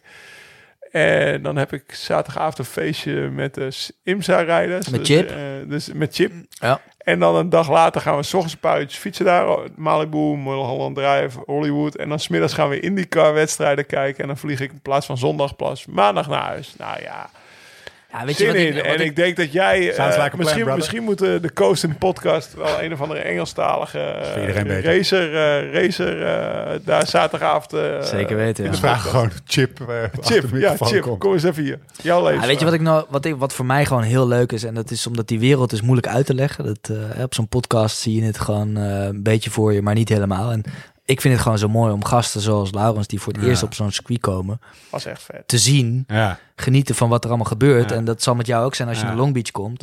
Dat, daar geniet ik ook heel erg van. Dus ik vind het ook mooi als je dan dadelijk met die pitbull... Nicky eh, moeten we nog een keer meenemen. Ik heb. Nicky meteen gezegd. Ja. Nicky, we moeten volgend jaar een weekend met Ringen mee. Hey, Lau, ik ben nog steeds prof. Hè? Hey Lau, achteraan aansluiten Nicky. Hey, wat ik me kan herinneren trouwens van die filmpjes die... Want we hebben, jij hebt toen ehm, eh, je, je iPhone soort van aan je hand gekleefd. Ja, ja. eh, heb je door Amerika getoerd. Daar zat jij ook in. En exact dit viel mij op. Dat je het zo leuk vond om iemand van Te buiten helpen. je wereld... Te, te laten zien. eh, laten zien. eh, te laten zien hoe jouw wereld in elkaar zat Ja. en hem te helpen. Want je Ja, hebt hem uiteindelijk ook gewoon het land ingesmokkeld. Ja, nou, ja, zeker ja? Oude helm poetsen. Hij heeft wel mijn helm gepoetst, maar we hebben een closed cockpit, dus die wordt eigenlijk nooit vies. Maar ik heb hem wel laten poetsen. Ja, ik was, volgens mij was ik officieel personal trainer. Ja. Toch? ja Dus exact. we hebben eerste Ah, ook het leuke-. Aan Amerika is ook leuk, hè, dat die gast die bij de ticket office even stond, dat was de baas van de IMSA. Die zegt Ja. gewoon, oh, Amsterdam, ja, ja, ha, ha, ha. Ja, ik weet wel hoe het zit hoor, maar tof dat je er bent, Oh, weet je wel. En dat zijn gewoon leuke dingen. Het is heel relaxed daar. Gewoon, ehm, laten we lekker mooie race gaan Ik doen. heb staan zweten, weet je het nog, bij de, bij de Oh, ja. douane. Ja. Toen, eh, ja, wat kon je doen? Maar Oh ik ja, ook, hoor. Ik ben, ik ben met mijn, eh, ik ben met mijn, mijn eh, trainee mee, hè? met mijn, met mijn, met mijn atleet mee. Ja. Hoezo? Ja, ik ben personal trainer van Renger. Wie, wie, wie is dat? Ja, die jongen die daar staat, autocoureur, die moet hier bij de IMSA racen. Ik zeg, ah, ah oké, oké. En, oké. En hoe, hoe gaat het dan? Eh, ja, ik zeg, ik factureer hem gewoon, weet je wel. Eh, Oké, waar zijn die facturen? Kan ik die zien? Ik zeg, nou ja, dat is de eerste keer dat ik mee ben. Dus die factuur moet nog verstuurd worden. Ik werd bleek, joh. Ja. Ik denk, ik word hier teruggestuurd. En net op het moment dat ik denk, nou, oké, het is klaar. Ik, moet, ik, ben, ik heb wel eens in dat tweede hokje gezeten. Ik denk, mensen die Ja. wel vaak Ja. naar Amerika in vliegen weten... als je te vaak komt, dan zit je in het tweede hokje, zeg maar.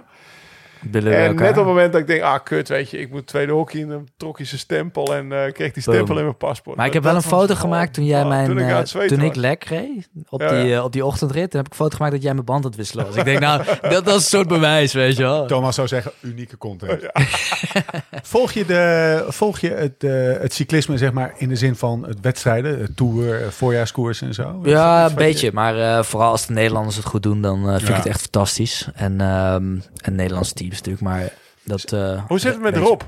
De Rob, waar we het net Rob van. Gameren. Ja, Ja. die was mee. Ja. Ik zag laatst, die had 30.000 kilometer. Wat een gek, zeg. Nee joh. ja die had even in, ja, die heeft, die heeft er 7,5 meer dan dat ik. Maar ik moet hem nog even aan de tand voelen. Want eh, ik had zeg maar ook zo'n aantal uren. Zeg maar, eh, je krijgt aan het, ei- aan het eind van het jaar krijg je een Strava-stats. Ja, Dus hij had dan, eh, nou, hij had dan 30.200 of zo. In ieder geval over de 30. Ja. En dat was, in, eh, dat was met 37 gemiddeld. Als je door het uren teelde, was het met ja maar hij 37 rijdt, eh, gemiddeld van die gereden. 30.000 heeft hij er zeg maar 29 binnen gereden. Ja, en Daar gaat, dat gaat altijd net wat harder Ja, natuurlijk gaat het Ja. harder. Ja, dat wist ik al. Maar, dat, dus, maar, maar, maar dan nog, hè. Hey, 30.000. Bizar, hè. bizar. Maar wat Ja, hij maar doet... ook maar 30.000 op Swift of, of, of 25.000 Best wel op Swift is ja. echt zo. Ah, er stonden ook onder die post stonden de dingen van... Ja, gast, hoe doe je dat? Ik heb geen tijd. En eh, ik vond het wel vet. Ja, maar wat Eh, leuk is aan hem, hij zit gewoon al die YouTube-filmpjes van over het racen. Hij, hij zit hier allemaal te kijken op de fiets. Dus hij gebruikt de tijd heel goed. Ja. En daarom is het mooi als hij het binnen kan doen. Ja, gebruikt hij de tijd gewoon dubbel. Tijdens het werk zit hij gewoon te fietsen. Maar hij zei ook tegen, tegen zo iemand- zo'n vrouw die zei van... Ja, maar ik heb daar de tijd niet voor. hey, hallo. Iedereen kan 2,5 uur per dag vrijmaken. Dan ga je er maar om 6 uur 's ochtends op zitten. Ja. Zoiets zei hij. Dat is echt wel... Ja, eh, ja bikkel hoor. Hey. maar eh, eh, heb je het met hem veel over wielrennen? Zeg maar tijdens of, of voor of na de uitzending? Ja, zeker voor, de, over... voor de mensen die niet weten wie het is, het is de... Ja, wat, wat is een functie? Sidekick? eigenlijk? Ja, de sidekick bij het, eh, zeg maar, RTL Formule 1. Nee, het is eh. Ziggo, maar... Ehm RTL Ziggo. geweest. Nee, ik, eh, ik, ik ben sinds dit jaar eigenlijk, afgelopen twee jaar misschien. Maar sinds de lockdown ben ik bij Ziggo een beetje ehm, als analist. Analist, ja. Tafelheer. Ja, tafelheer. eh, en, en Rob Vergamer is daar gewoon vaste, vaste prik en sidekick Doet hij goed. in het programma. Dat is ja, echt leuk. Maar Rob is ook echt een hele leuke vent. Gewoon Ja. super intelligent en hij heeft altijd een gek petje op en een gek shirtje. Maar ondertussen runt hij ehm, de, eigenlijk de hele redactie van het programma. Ja?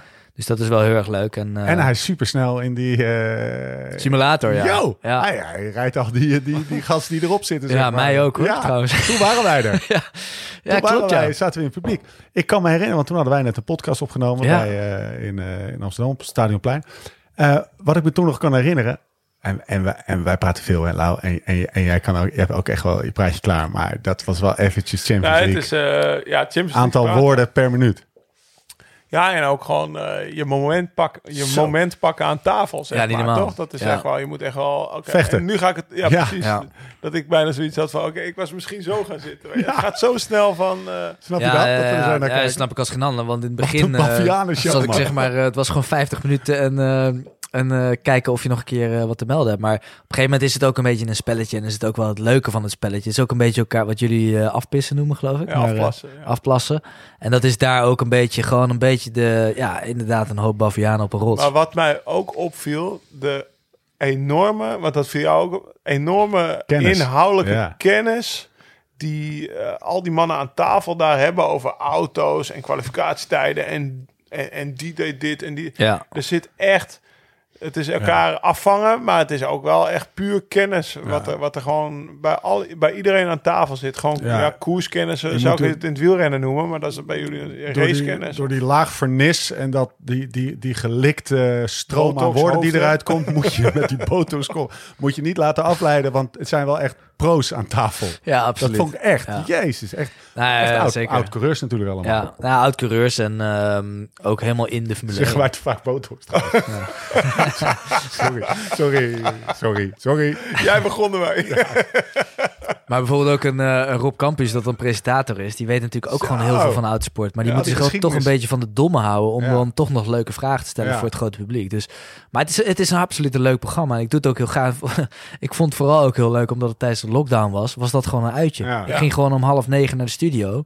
Ik had om half tien een biertje en een beetje over oudsport lullen... en ik was weer thuis, weet je Ja. wel? Dus geweldig. En, ehm, maar het programma gaat ook door, hè? Dus eh, ik blijf er ook bij betrokken. Ja, het is ook. eh, nou ja, het was natuurlijk ook voor jullie goud wat Max doet. afgelopen Ja, jaar. maar zonder Max was dit nooit zo'n programma, was nooit zo succesvol geworden. Nee, absoluut. Renger. Als ik eh twee dezelfde fietsen neerzet in Bourg-Oisan. Eh precies dezelfde fietsen. Hetzelfde verzet, hetzelfde gewicht, precies dezelfde afstelling. Eén voor jou afgesteld, de ander voor eh, Max Verstappen afgesteld. En we zeggen, eh, bovenaan ligt een fles Barolo. Wie het eerste boven is, die van hem is hij. Wie maakt hem open? ja, dat ben ik. Hij zit Nee, wel op de fiets, toch? Ja, hij zit wel op de fiets. En volgens mij ook op een eh, binderfiets. En, ehm, dus hij traint hard. Hij moet ook hard trainen. En, eh, maar als ik die foto's van hem zie, hij is niet Nee, super fit. extreem, maar- Nee, hij is een beetje chubby. Ja, het is maar dat, dat was Jos ook altijd een Ja, beetje. ja. Maar het, is- als je, je hoort ook verhalen van het raceteam, dat ze zeggen, ja, die gozer op de radio, je hoort hem nooit hijgen. Hij heeft altijd een antwoord. Hij is fucking fit. Maar Ja. Hij is ook een beetje chubby. En Ja. dat is zo mooi aan, dat vind ik wel mooi aan hem. Hij is gewoon, vet. hij is echt wel getraind, maar hij heeft echt, eh, hij houdt denk ik ook van eten of hij eet, eet goed. Ehm, maar echt fit ziet hij er niet uit. En wat je net zei, die endurance races zoals ik, wij moeten ook die endurance hebben. En hij hoeft eigenlijk maar een uur en een tien minuten. Ja. Fernando Alonso werd mijn teamgenoot in Daytona. Ja. En die zei ook van, ja, weet je wat bizar is, wat, wat jullie doen? Jullie rijden een Formule 1 wedstrijd en dan een paar uur later moet je nog een Formule 1 wedstrijd rijden. Ja. Maar dan zitten wij al lang in het vliegtuig naar huis. Dus die moeten veel harder pieken. Hè? Dus die hartslag van hun gaat nog hoger dan bij ons. Alleen, wij moeten het drie, tijdens 24 uur wedstrijd zit ik soms eh 9, 10 uur in de auto. Verdeeld over 24 uur. Dus je bent, je komt uit die auto. van? Dus wat voor blokken zijn dat? Een uur. eh, je hebt met z'n drieën rijden een 24 uur. Dus je rijdt ehm, drie uur achter Ja. elkaar. Dan heb je zes uur niks waarvan je... Hè, eh, vier, bij vier uur moet je weer in de pitbox zijn met je helm op bij wijze van spreken klaarstaan. Slaap jij? Ik slaap heel goed. Ja? dat Hij weet je toch? gewoon. Ja, ja. Once I see the pillow, I'm asleep. Die gast... Weet je, Ja, waarom weet jij dat, Lau? Nou, we hebben best wel vaak grapjes dat, dat, ik, dat ik kamergenoten tot wanhoop dreef. Omdat ik zei, nou wel rustig. Ja. En ik sliep en dan eh tank ik. Die, die kreeg dan... Ramon. kreeg dan- Ramon. Nou, Ramon slaapt ook heel snel. Maar die kreeg dan een beetje de bibbers van... Fuck, hij slaapt al. Ik moet ook slapen. Morgen is koers, weet je wel. En ik wil goed slapen. En, en dan daardoor eigenlijk niet slapen. En er is één iemand... Nou ja, ik heb dus drie nachten met hem al... Eén iemand die, nou ja, gewoon ook net zoals eigenlijk ik ben tot, tot, tot praten, praten, praten, praten. Oké, Lau, ik ga slapen, pap, snurken. Weet je wel? Dat je denkt, what the fuck? En dat, dat doet hij dus ook. Zo. Kan je nagaan als je uit zo'n auto stapt, hoeveel adrenaline, nou dat niveau, dat moet eh, echt, zelfs als, weet ik veel, ga Alpe d'Huez zo hard als je kan afdalen. Ja. En ga dan beneden op de La Piscine, de camping La Piscine, in je tent duiken en probeer te slapen. Dat lukt toch ook niet meteen? Maar in een 24 uur race kan ik wel? dat gewoon. Dat vind ik echt wel knap. Ja. Ja, is ook een beetje is ook ervaring. En als je Ja. dus eh, minder onder de indruk bent op een gegeven moment, Ja. dan eh, wordt het ook allemaal wat, eh, wat makkelijker om te tukken. Maar eh, ja, ik, eh, ik ben wel. Ja, ik heb het ook, in de engineering room ga ik gewoon soms heel even, doen. even, even 10 minuten. Dan praat iedereen gewoon door en dan lig ik gewoon uit. Toch even, als je Max in zo'n auto zet, zo'n 24 uur van Le Mans of eh Indy of wat dan ook. ja, dan, die- dan ben ik wel bang. Ja? Ja, dan ben ik Wat wel. gebeurt er Op de dan? West opnieuw. Ja, dat dat Dan heb, ik hem, liever als, vraag mijn- als je dan heb ik hem liever als mijn teamgenoot. Ja. Ja. En dat, dat Hij is zo goed. Dat is gewoon, als je het hebt over talent. Ja, dit, dit, dit is gewoon eens keer in de zoveel 15, 20 Ja. jaar dat er zo eentje voorbij komt. ja, ik vergelijk hem altijd een beetje met Van der Poel. is ook zo ongrijpbaar. Juist. Kramer. Ja. Godenzoon. Kramer is ook eentje, ja. Ja, dan weet je. Kramer, Van de Poel, Max Dat Verstappen, Ja. Sven Kramer. Ja, dat zijn echt gewoon- dat, dat soort... In het begin van zijn carrière had eh, Ja. het aura, dat aura, vond ik ook eh Lars Boom hebben. Ja, Alleen Ja, dat is iets er anders gelopen. Nee, maar die- dat- maar snap dat, dat aura ook. Ingetogen zijn- stardom. Hey, Ik heb, ik, eh, je was net aan- van alles aan het zeggen. Een quizvraag heb ik voor jou even. Oh, Toen, toen, toen jij net eh, mee begon met, eh, met, met je vraag d'Huez op en zo. Toen dacht ik, ik heb dit jaar nog een keer in koers gezeten met een Formule 1 eh, coureur. weet ik. God van weet hij. De man van Cromwell. Steamboat Gravel. Valerie Bottas. Ja, klopt. Hij werd eh, de derde in zijn leeftijdsklasse. En dat is dan echt, weet je wel, tussen de, eh, tussen de 40 en de 42. Ja. Zoals je op Strava ook echt wel ergens een segmentje Tussen kan de vinden. 40 en 45. Het gaat per vijf jaar in Amerika. Steamboat Gravel. Dat was dus eh Valtteri Bottas. Die was Ja. daar. Ja, het was dus inderdaad niet Valerie Bottas, Oh, maar zei Valtteri. Valtteri. Ja, ja, Valtteri, ja. Ja, Valtteri. Eh. Zei hij, maar dat ja. geeft niet. Geeft niet. ja, voordat ik de, de toorn van een heel, heel, heel Formule 1 Express, min hij zag ook, eh, misschien dat hij bij de vrouwen meegedaan heeft, dat hij daarom eh, goed voor stond. Maar Nee, maar om het zo maar te zeggen, die, die, gast, die gast is. Die ziet er ook. Is eh, niet best- ripped. nee, is niet rep, maar wel apenfit. Want eh, ik bedoel, ook bij de 100 kilometer of 100.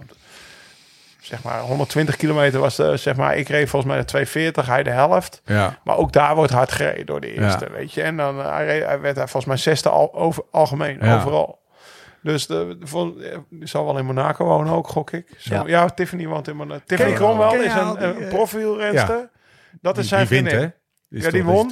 Maar dat is zijn Ja. vrouw slash vriendin. Ja, ja, zeker. dus die kennen elkaar uit het monegaskische uh, nou ja, Denk het, ja. leven. Ja. Daar, zo, zo hebben ze elkaar Maar wat vet dat hij dan meegaat gaat en gewoon mee. die gravelkoersen rijdt. Ja, en dan, eh, ik weet ook nog wel dat zij eh, voor bepaalde koersen rij- he- eh, laat hij die ook die Mercedes camper naar die gravelkoers komen. En dan Ja. komen, eh, zitten ze in die camper. Ja, dan zitten ze in zo'n vet eh, Formule 1 mobilehoop. Zitten ze daar eh, voor een of andere ronde van Schubbe Kutteveen komen ze daar uit zo'n... eh, Ken jij hem? Ik ken hem, ja. Ja, Ja, mooi. Nou, ons slaapelijk geregeld. ja. Tiffany, move over. Tiffany Move Over, ja. Valerie, en, Valerie en Tiffany. Daar wil ik wel tussen. Toch een triootje dan voor jou, hè? Ja. Eh of niet? Ehm, Renger, wat is de... Met wie zou jij niet on- terug naar Alp de West? Je staat aan de voet. Max, eh, die heb je erop gelegd. En je zegt, eh, je staat beneden. en je zegt, volgende, volgende. Kom maar, Ja. bring it on. Wie wil je niet tegenover je hebben? Nou, ik moet zeggen dat die eh Brandon Hardy, die reed hem ook even omhoog. Die heeft ook al Formule 1 gedaan. Ja? En die was toch even een standje sneller dan ik. Ehm, op de Mont Ventoux was dat. En ehm, ja, dat zijn, je hebt gewoon een paar van die, ja, maar je hebt een paar van die lijpo's waar ik ook onder val, die gewoon net even te ver gaan met dat fietsen, weet je wel. En dat hij is er ook zo een. Dus eh, toen ik even wat minder fietste, omdat ik heel veel jetlags en eh nou, een hoop excuses. En, ehm, maar hij ging er helemaal voor. En toen was hij op een gegeven moment wel heel erg scherp en eh, stond heel, eh, heel Hoe snel reed hij omhoog? Volgens mij, ehm, Ik heb gisteren mijn tijd nog opgezocht. ja, volgens mij Weet je uit je hoofd, Lau. Je Ja. hebt allemaal Volgens mij Nee, 1,20 of zo. 1, eh, 1,16 of zo. Oh, 18. oké. Ja, die kan je hebben. Die Ja. kan je hebben. Ja, Dus, nu eh, niet meer, denk ik. Maar vroeger... Zeker Nee, weten. 1,16 rijden wel, Ja, zes kilootjes, toch? We het Ah, in jouw geval misschien. Nee, nee, nee laat maar. Inderdaad, wie hebben we nog meer? Want er zijn er wel een Fernando paar Alonso? die... eh, Jensen Button? mm, nou, Jensen kan ik ook wel hebben hoor. Ja? Ja. Er trainen er wel een paar met die wielrenners. eh Absoluut. Ricciardo, trainen die niet veel op de fiets in Monaco? Nou, Want ehm, er wonen veel wielrenners in Monaco. Max. Max die traint wel met eh, James Rossiter is zo'n eh, coureur. Je hebt, eh, ik moet even nadenken hoor, maar Bottas. Je hebt inderdaad ehm Brendan Hartley woont ook in Monaco. ehm, Lopez. Je hebt er echt wel een, een groepje rijders die, eh, die ook fietsen en, eh, en dat goed doen. Het is gewoon echt een goede trainen. Maar hoeveel kilometer moet eh, Max Verstappen? Om altijd weer die, of, Ja. of zoals in de Formule 1 altijd wordt gezegd, Max. Ja, als je voornaam gewoon op een gegeven moment zegt genoeg. Ja. Max. Ja. Oké, eh, oké.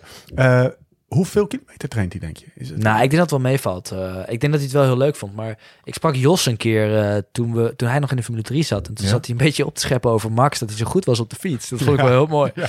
En eh, dus die gingen met elkaar fietsen. En Jos je kon, kommetje op het kopje? En toen dacht hij. En Jos, ja, Jos en Max die trainen dan. En Max reed Jos er op een gegeven moment af. En toen dacht ik, oh, echt wel heel goed. En, maar ik denk dat als, als Max aan de 3000 kilometer komt, dan is het veel. Oké. Ja, echt niet veel meer dan dat. Dus het is niet noodzakelijk om een goede autocoureur te zijn. Nee. Daar komen, we, daar, Nee. daar komen Maar- we bij. Jammer. Ja, dat vind ik ook Ja, jammer. toch? Ja, kut conclusie. Ja, dat je, ja, dat Ja. je echt een soort van... ehm, Maar het slipstreamen bijvoorbeeld, hè, wat jullie doen in, Ja. de, in, de, in de wielersport, dat is iets wat bij ons natuurlijk ook key is. Hè? Als wij side drafting, zoals we dat noemen, als wij aan de zijkant van een andere auto komen en we gaan met vo- ons voorwiel, met mijn voorwiel naar de achterwiel van die andere auto vormen, ja. ja, dan, dan zuig ik hem in één keer naar achter. Maar dat is met, Ja. Als je ziet hoe Oh, ik op die fucking wedrenners ook aan het slipstreamen was op een gegeven moment veel te serieus en eh, nou, gewoon draften en eh, zorgen dat je de kom eh, pakt net op het goede moment om dan uit de slipstream te komen en dat soort dingen. Ja, dat, dat, dat hoort er wel een beetje, dat is wel heel veel vergelijkenis. Ja, dat is een goed woord. ja, ik, ik ken het al jaren. Ik doe bij jou al Nee, jaren. ja, dat, jaren dat zijn wel anders. dingen die bijvoorbeeld eh, bij, bij Sunweb leerde ik dat. Ah, dan kreeg ik opeens eh ploegentijdrit, presentatie. Hè, hoe noemt Jens dat nou? Een eh, leeskring, boekenkring. Dan moet je iets, eh, Vertel over jezelf. ja, iets vertellen over jezelf. Maar toen moesten we dus met een groepje de ploegentijd voorbereiden. Maar toen over hoe je dus inderdaad goed in het treintje reed. En pas toen heb ik geleerd dat zeg maar eh, het, het, het belangrijker is om zeg maar recht achter het wiel te rijden Ja. in plaats van een heel in plaats van een heel dicht op. Want als je er heel dicht op bent, dan ga je, dan, dan ga je vaak even naar links of naar rechts. En dan pak je toch wat wind. Terwijl als je dan een me- half metertje of een metertje achter rijdt, dan kan je precies recht Oh, ja, ja. sneller achter het wiel blijven rijden. En dat zijn wel van die dingetjes. Ja, dat moet goed. je een keertje Ja. verteld worden. Ja, zeker. Ja, voordat je het weet. Want, Wat eh, het, eh, welke, welke plek ultiem is in het wiel van het nou ja, in het wiel. Nou, dus niet per se in het wiel. Je kan er beter een halve meter achter Ja, rijden. precies. Dat je niet naar links en naar rechts de sweet spot zwabbert. is. Als dat je er op 10 centimeter zit. Maar de hele tijd naast dat wiel stuurt. Omdat je bang bent tegen dat wiel aan te rijden. En dat, nou ja. Renger, klopt mijn aanname. Hoe harder je gaat, hoe relevanter draft is. En Ja, dus absoluut. hoe eh, Formule 1 of, eh, of, of autosport gaat harder dan, of auto's gaan harder dan fietsen. Dus aerodynamica is verder ontwikkeld binnen de autosport. Ja, absoluut. Ja, zeker. Ja? Nee, ehm, als je ziet wat, eh, wat er aan aerodynamica... Zo. Wij zijn eigenlijk vaak alleen maar bezig met aerodynamica. Dus de wagenhoogte verandert de aerodynamica. De vleugeltjes, de flips, de flaps, de dingen die wij aanpassen op de autosport. Zoals in de, eh, aan de auto bijvoorbeeld een flap voor het voorwiel. Dan, dat is een omhoogstekend ding. Dat verandert dan de aero, hoe het in de wielkast komt. Onder de Ja. auto uitkomt en op de achtervleugel eh, beter werkt. Ja, dat, dat zijn van die dingen. Dat, er zit zoveel meer aerodynamica op, op, op zo'n auto dan op de fiets. Dat, eh, dat, is, dat is een enorm, enorm verschil. Maar ja, de auto, ik vind de fietsen wel heel leuk om die techniek. En eh, bijvoorbeeld het, voor, het achterwiel wat helemaal aansluit eh, op het frame. En dat soort dingen vind ik wel heel mooi. Maar dat echt is wel- naar de Venge, man. Ja, maar, Ja. nee, maar dat is wel iets, eh het schiet me te meteen te binnen. En als wielrenner ben je natuurlijk, natuurlijk heb je aerodynamica. En dat is nu echt wel een dingetje, want al die remgrepen gaan naar binnen. De polsjes naar binnen van Jan-Willem van het Schip. Eh dat was Ja. 10, 15 jaar terug was echt niemand daarmee bezig. Nee. Ik kwam dus in 2014 in mijn eerste hoogtestage. eh, zeg maar voor een tour. Ja, 2014 kwam ik in mei in het huis waar ik dan drie weken ging eh, verblijven. Maar daar wachtte een engineer van eh, een of andere Hewlett, Hewlett Packard. Gewoon een slimme Silicon Valley gast. Wachtte me op. Dat was zijn huis. Ik bleef daar slapen. En ik had toevallig mijn, tijd, mijn Bianchi'tje mee. Mijn tijdritfietsje. En eh, hij hangt die Bianchi op in zijn garage in zeg maar de bikestand. En hij begon meteen. Oké. En dit kabeltje, dat moet je even dit tapeje over doen. En die was, Ja. hij begon meteen met duct tape mijn hele fietsen betapen. En hij was me aan het vertellen dat ik eh, de, mijn nummers van binnenuit met de spelden op moest spelden. Zodat zeg maar, de sluitingen aan de binnenkant zaten van mijn snelle pak. Hij ging je even helemaal aftunen. ja, maar dat, dat waren dingen had ik echt nog nooit over Nee. na. Want ik was bezig ook nog met mijn lichaam zo. Ja, dat ik, weet ik veel, in plaats van 410, 4, eh, 415 watt kon trappen voor zoveel tijd. Dat was voor mij heel belangrijk. En hij was daar helemaal bezig. En je ziet, zij gaan natuurlijk meer die kant op. Maar wij hadden ook nog echt het fysieke aspect, Ja, zeg maar, tuurlijk. wat uiteindelijk doorslaggevend is natuurlijk. Ja, we, we hebben wel bij eh, bijvoorbeeld de 24 uur van Daytona... moest ik op een gegeven moment een metalen pil slikken. En die bleef dan volgens mij ook 24 uur of 36 uur in mijn lichaam. En op een gegeven moment poep- poepte ik hem uit. wat en dat was in de wc. En die, die meten alles qua core temperature. hij? Ja. Ja. Eh, we hebben natuurlijk eh, drinken in de auto. Dus we hebben een, eh, een, een, een fles die elke 40 minuten wordt gewisseld. Dus die moet je bijna leeg drinken. Je verliest ongeveer zo'n 3, 4 kilo aan vocht binnen anderhalf uur racen. Dus het is best wel serious Ja. shit. En eh, Met zo'n hartslag. We hebben hartslagmeter. We hebben ook eh, hoeveel zout je uit eh, zweet. Dus eh, van die zoutpatronen waar we naar kijken. En dat wordt dan ook weer gewoon aangevuld in je fles tijdens je rust. Hoe meet ze dat dan? Hoeveel, Ja, een soort patch op je arm serieus? waar ze wat ze opklappen. Best wel ver hoor. Ja, zijn dit is, dit dit is waar in de wielersport nu, eh, nu veel om te doen is. Ja. Omdat het, eh, zeg maar, het weer een nieuw level van dataverzameling aanboort. Waar, eh, ja, Ja, die Super in de- Sapiens is Ja, verboden. precies. Dat is verboden. Dat Wat is dat? verboden. Dat, is, eh, dat meet continu je glucose in je bloed. Oh, dus dan dat weet mag je wanneer je een jelletje moet nemen. Oh, wat jammer, ja. Dat mag in de wedstrijden mag niet meer. Ja, maar dat vindt dat- hij dat- jammer. Ja, Dat is, maar dat is de... ja, maar ook een no-brainer voor Rengen. Want ja. Ja. hoezo niet? Ja, glucose. Want ja. dit is het verschil tussen de twee sporten. Eh, Ja. het, er zit een soort die, de, de menselijke factor of zo, of het fysiologische. De, de wielrennerij zit nog in de fase dat ze, ja, is het, is het, ik weet niet of het de ontkenning is, dat moet de discussie ook maar uitwijzen. Eh, ja, van ja, we moeten ergens. Je krijgt op een gegeven moment, weet iedereen hetzelfde. Is het dan nog wel Nou, leuk? het, het mooiste voorbeeld is het werelduurrecord.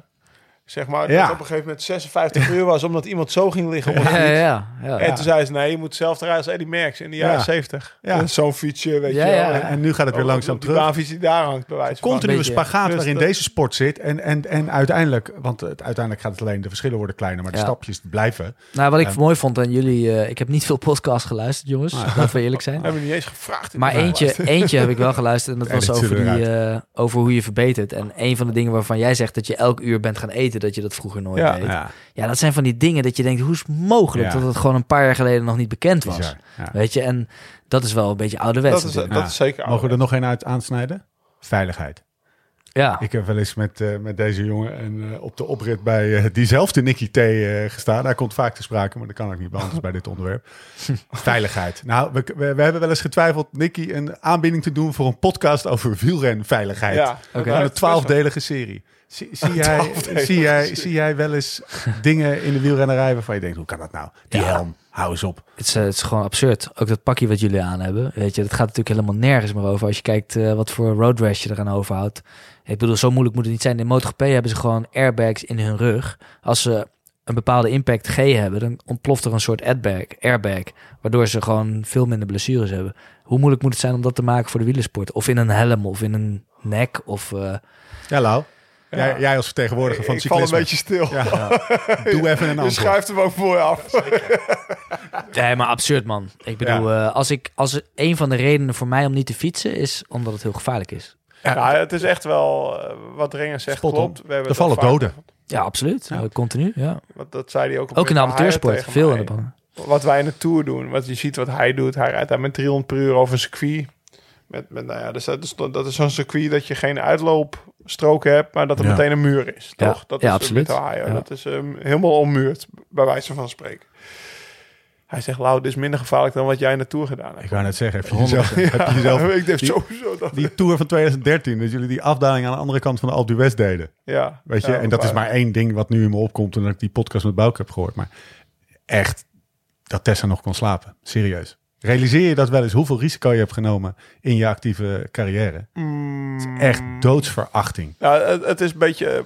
Het, het klopt wel wat je zegt. Het is misschien. Of ja, dat, dat- dat- Ja. ik realiseer het me nu pas. Het ja. is misschien te vergelijken met die Formule 1, romantische tijd. eh, Ja. James Hunt. Ja. Ja. Maar het is ook leeftijd, ook, hè? check Leeftijd. Hè, je bent nu bewuster dan dat je Ja. was toen je toen Maar een de stuk Formule jonger 1 was. van de jaren. Nou ja, dat ze nog op. eh, weet ik veel. In Engeland. Waar, waar, eh, waar ook Kev gebo- geboren is. Isle of Isle Man. of Man. Oh ja, met die motoren. En dan met eh, James Hunt en een check Oh, hier ja. ook eh, en een helmpje op en vrouwen. En dan gingen we even, even, even koersen, toch? En dan, eh, dan viel er één gemiddeld één dode per jaar. Ja. Dat was gewoon normaal. Formule 1. Dat Ja. was normaal toen. Maar, Ja, dat- meer, dat- wel, ja. Maar daar kan een wielrennerij wel van leren. Want op een gegeven moment heeft de sport gezegd, de FIA of Ecclestone En de rijders, ja. en de rijders van Ja. jongens, Dit moet beter. ja. dit gaat zo niet langer. We, de- we verliezen er één per jaar. En dan Nicky Lauda werd uit zijn brandende auto getrokken. En, Ja. ja. ja, Maar ik voel me- ik de beter. Maar daar is wel gewoon evolutie geweest. ja. En eh, nou ja, na Senna helemaal. Dat dat is volgens Ik mij... voel me echt een stuk veiliger in de raceauto dan door Amsterdam op een racefietsje, hoor. Dat, eh, dat is echt gevaarlijk. En eh, als je kijkt naar de ronde hoep, wat voor autootje... Vandaag weer gewoon eh, een paar keer dat er een busje DHL eh, ja niet gewend is om te stoppen. En gewoon doorrijdt tussen een vrachtwagen in. En, eh, en ik kan het ook niet laten om toch een beetje risico te nemen. Ja, dat ja, zit toch ook wel in pakken. Ja. Ja. Nee, dus ik heb, ik heb, ook, gebeurt ik, ik heb ook de oplossing niet. Nee. Nou ja, ik heb die podcast met Fabio vandaag terug zitten luisteren. Fabio die heeft natuurlijk ook best wel een groot stuk over, eh, over veiligheid. Dat hij zich daarvoor Ja. inzet. Maar bij Is het budget bij Fabio, bij, nou, ook bij Fabio had het nu ook nog op tot bij eh, de CPA-enquête invullen na een koers, toch? Ehm, Wat er bij de autosport gebeurt, is er is heel veel techniek. Er wordt heel veel ontwikkeld. Wat ook in de straatauto, in jouw straatauto zit, is in de Formule 1 ontwikkeld. Heel Ja. veel van. En je zou zeggen dat, omdat er gewoon continu ontwikkeld wordt, wordt er ook veel op veiligheid ontwikkeld. En dat is in de wielersport, zie je dat niet helemaal gebeuren. Ehm, ik snap niet helemaal waarom, zeg maar. Omdat, nou, daar had, Uiteindelijk- daar had nu, daar had nu een hack. Had toch die award Ja, gewonnen? De, eh, ja. een, een, een, zeg maar een nieuw hack. Zodat je niet meer een hack hebt zoals Fabio, onze, Fabio zich Ja. half dood viel, bij wijze van Ja. spreken. En dat moet standaard worden in ieder geval iedere UCI-wedstrijd. Ja. Nou, dat is een begin. Maar eh maar jullie rijden op zulke gekke 300 terreinen. of wat is het, duizend wildtoerrenners verenigen is iets anders misschien dan Exact. 20.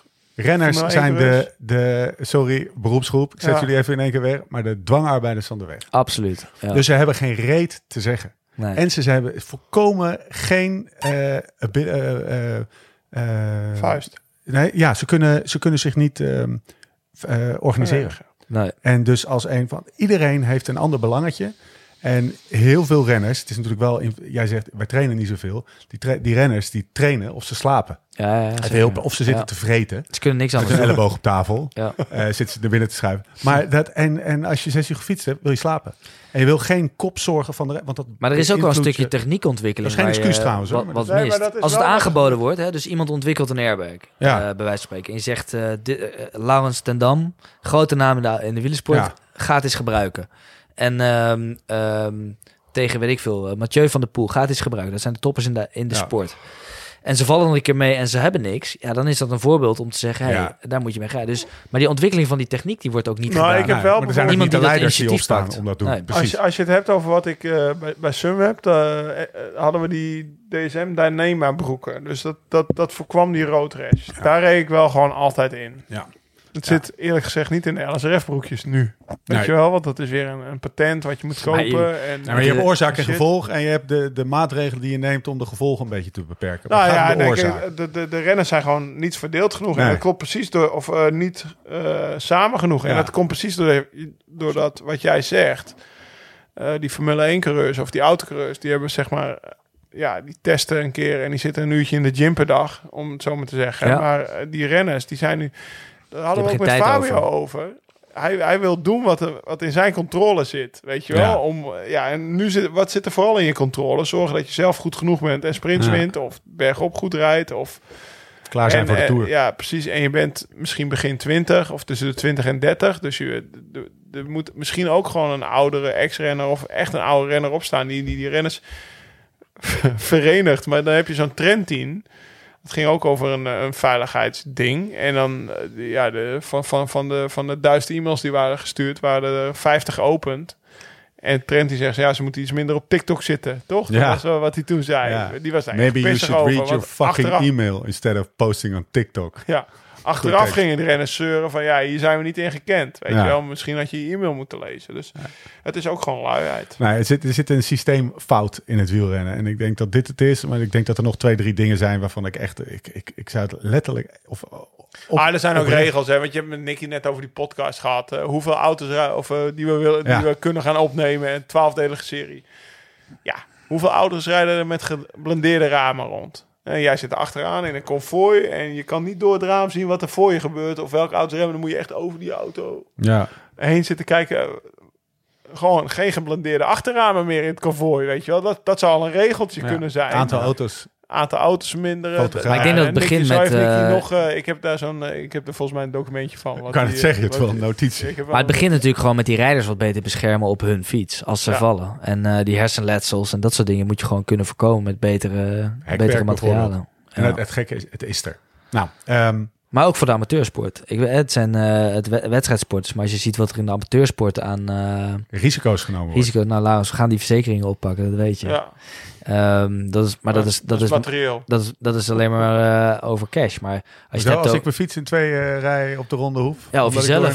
zeker dringend. Ja, verzeker- Ja? ja, zeker. Ja, Kan dat? ja Er zeker. zijn wel fietsverzekeringen. Nee, we, we sluiten er een paar af per jaar. We hebben ook Tom Jelte Slechter, eh, Slachter hebben we toen eh, verzekerd. Oeh, die voor is nog wel eens een paar keer vrij hard gevallen. Ja, en, eh, maar dat was eigenlijk het jaar voordat hij stopte. Ja? Dus toen was hij gestopt. En, ehm, maar dat zijn leuke dingen. En dat, dat is wel met mij ook een beetje het geval.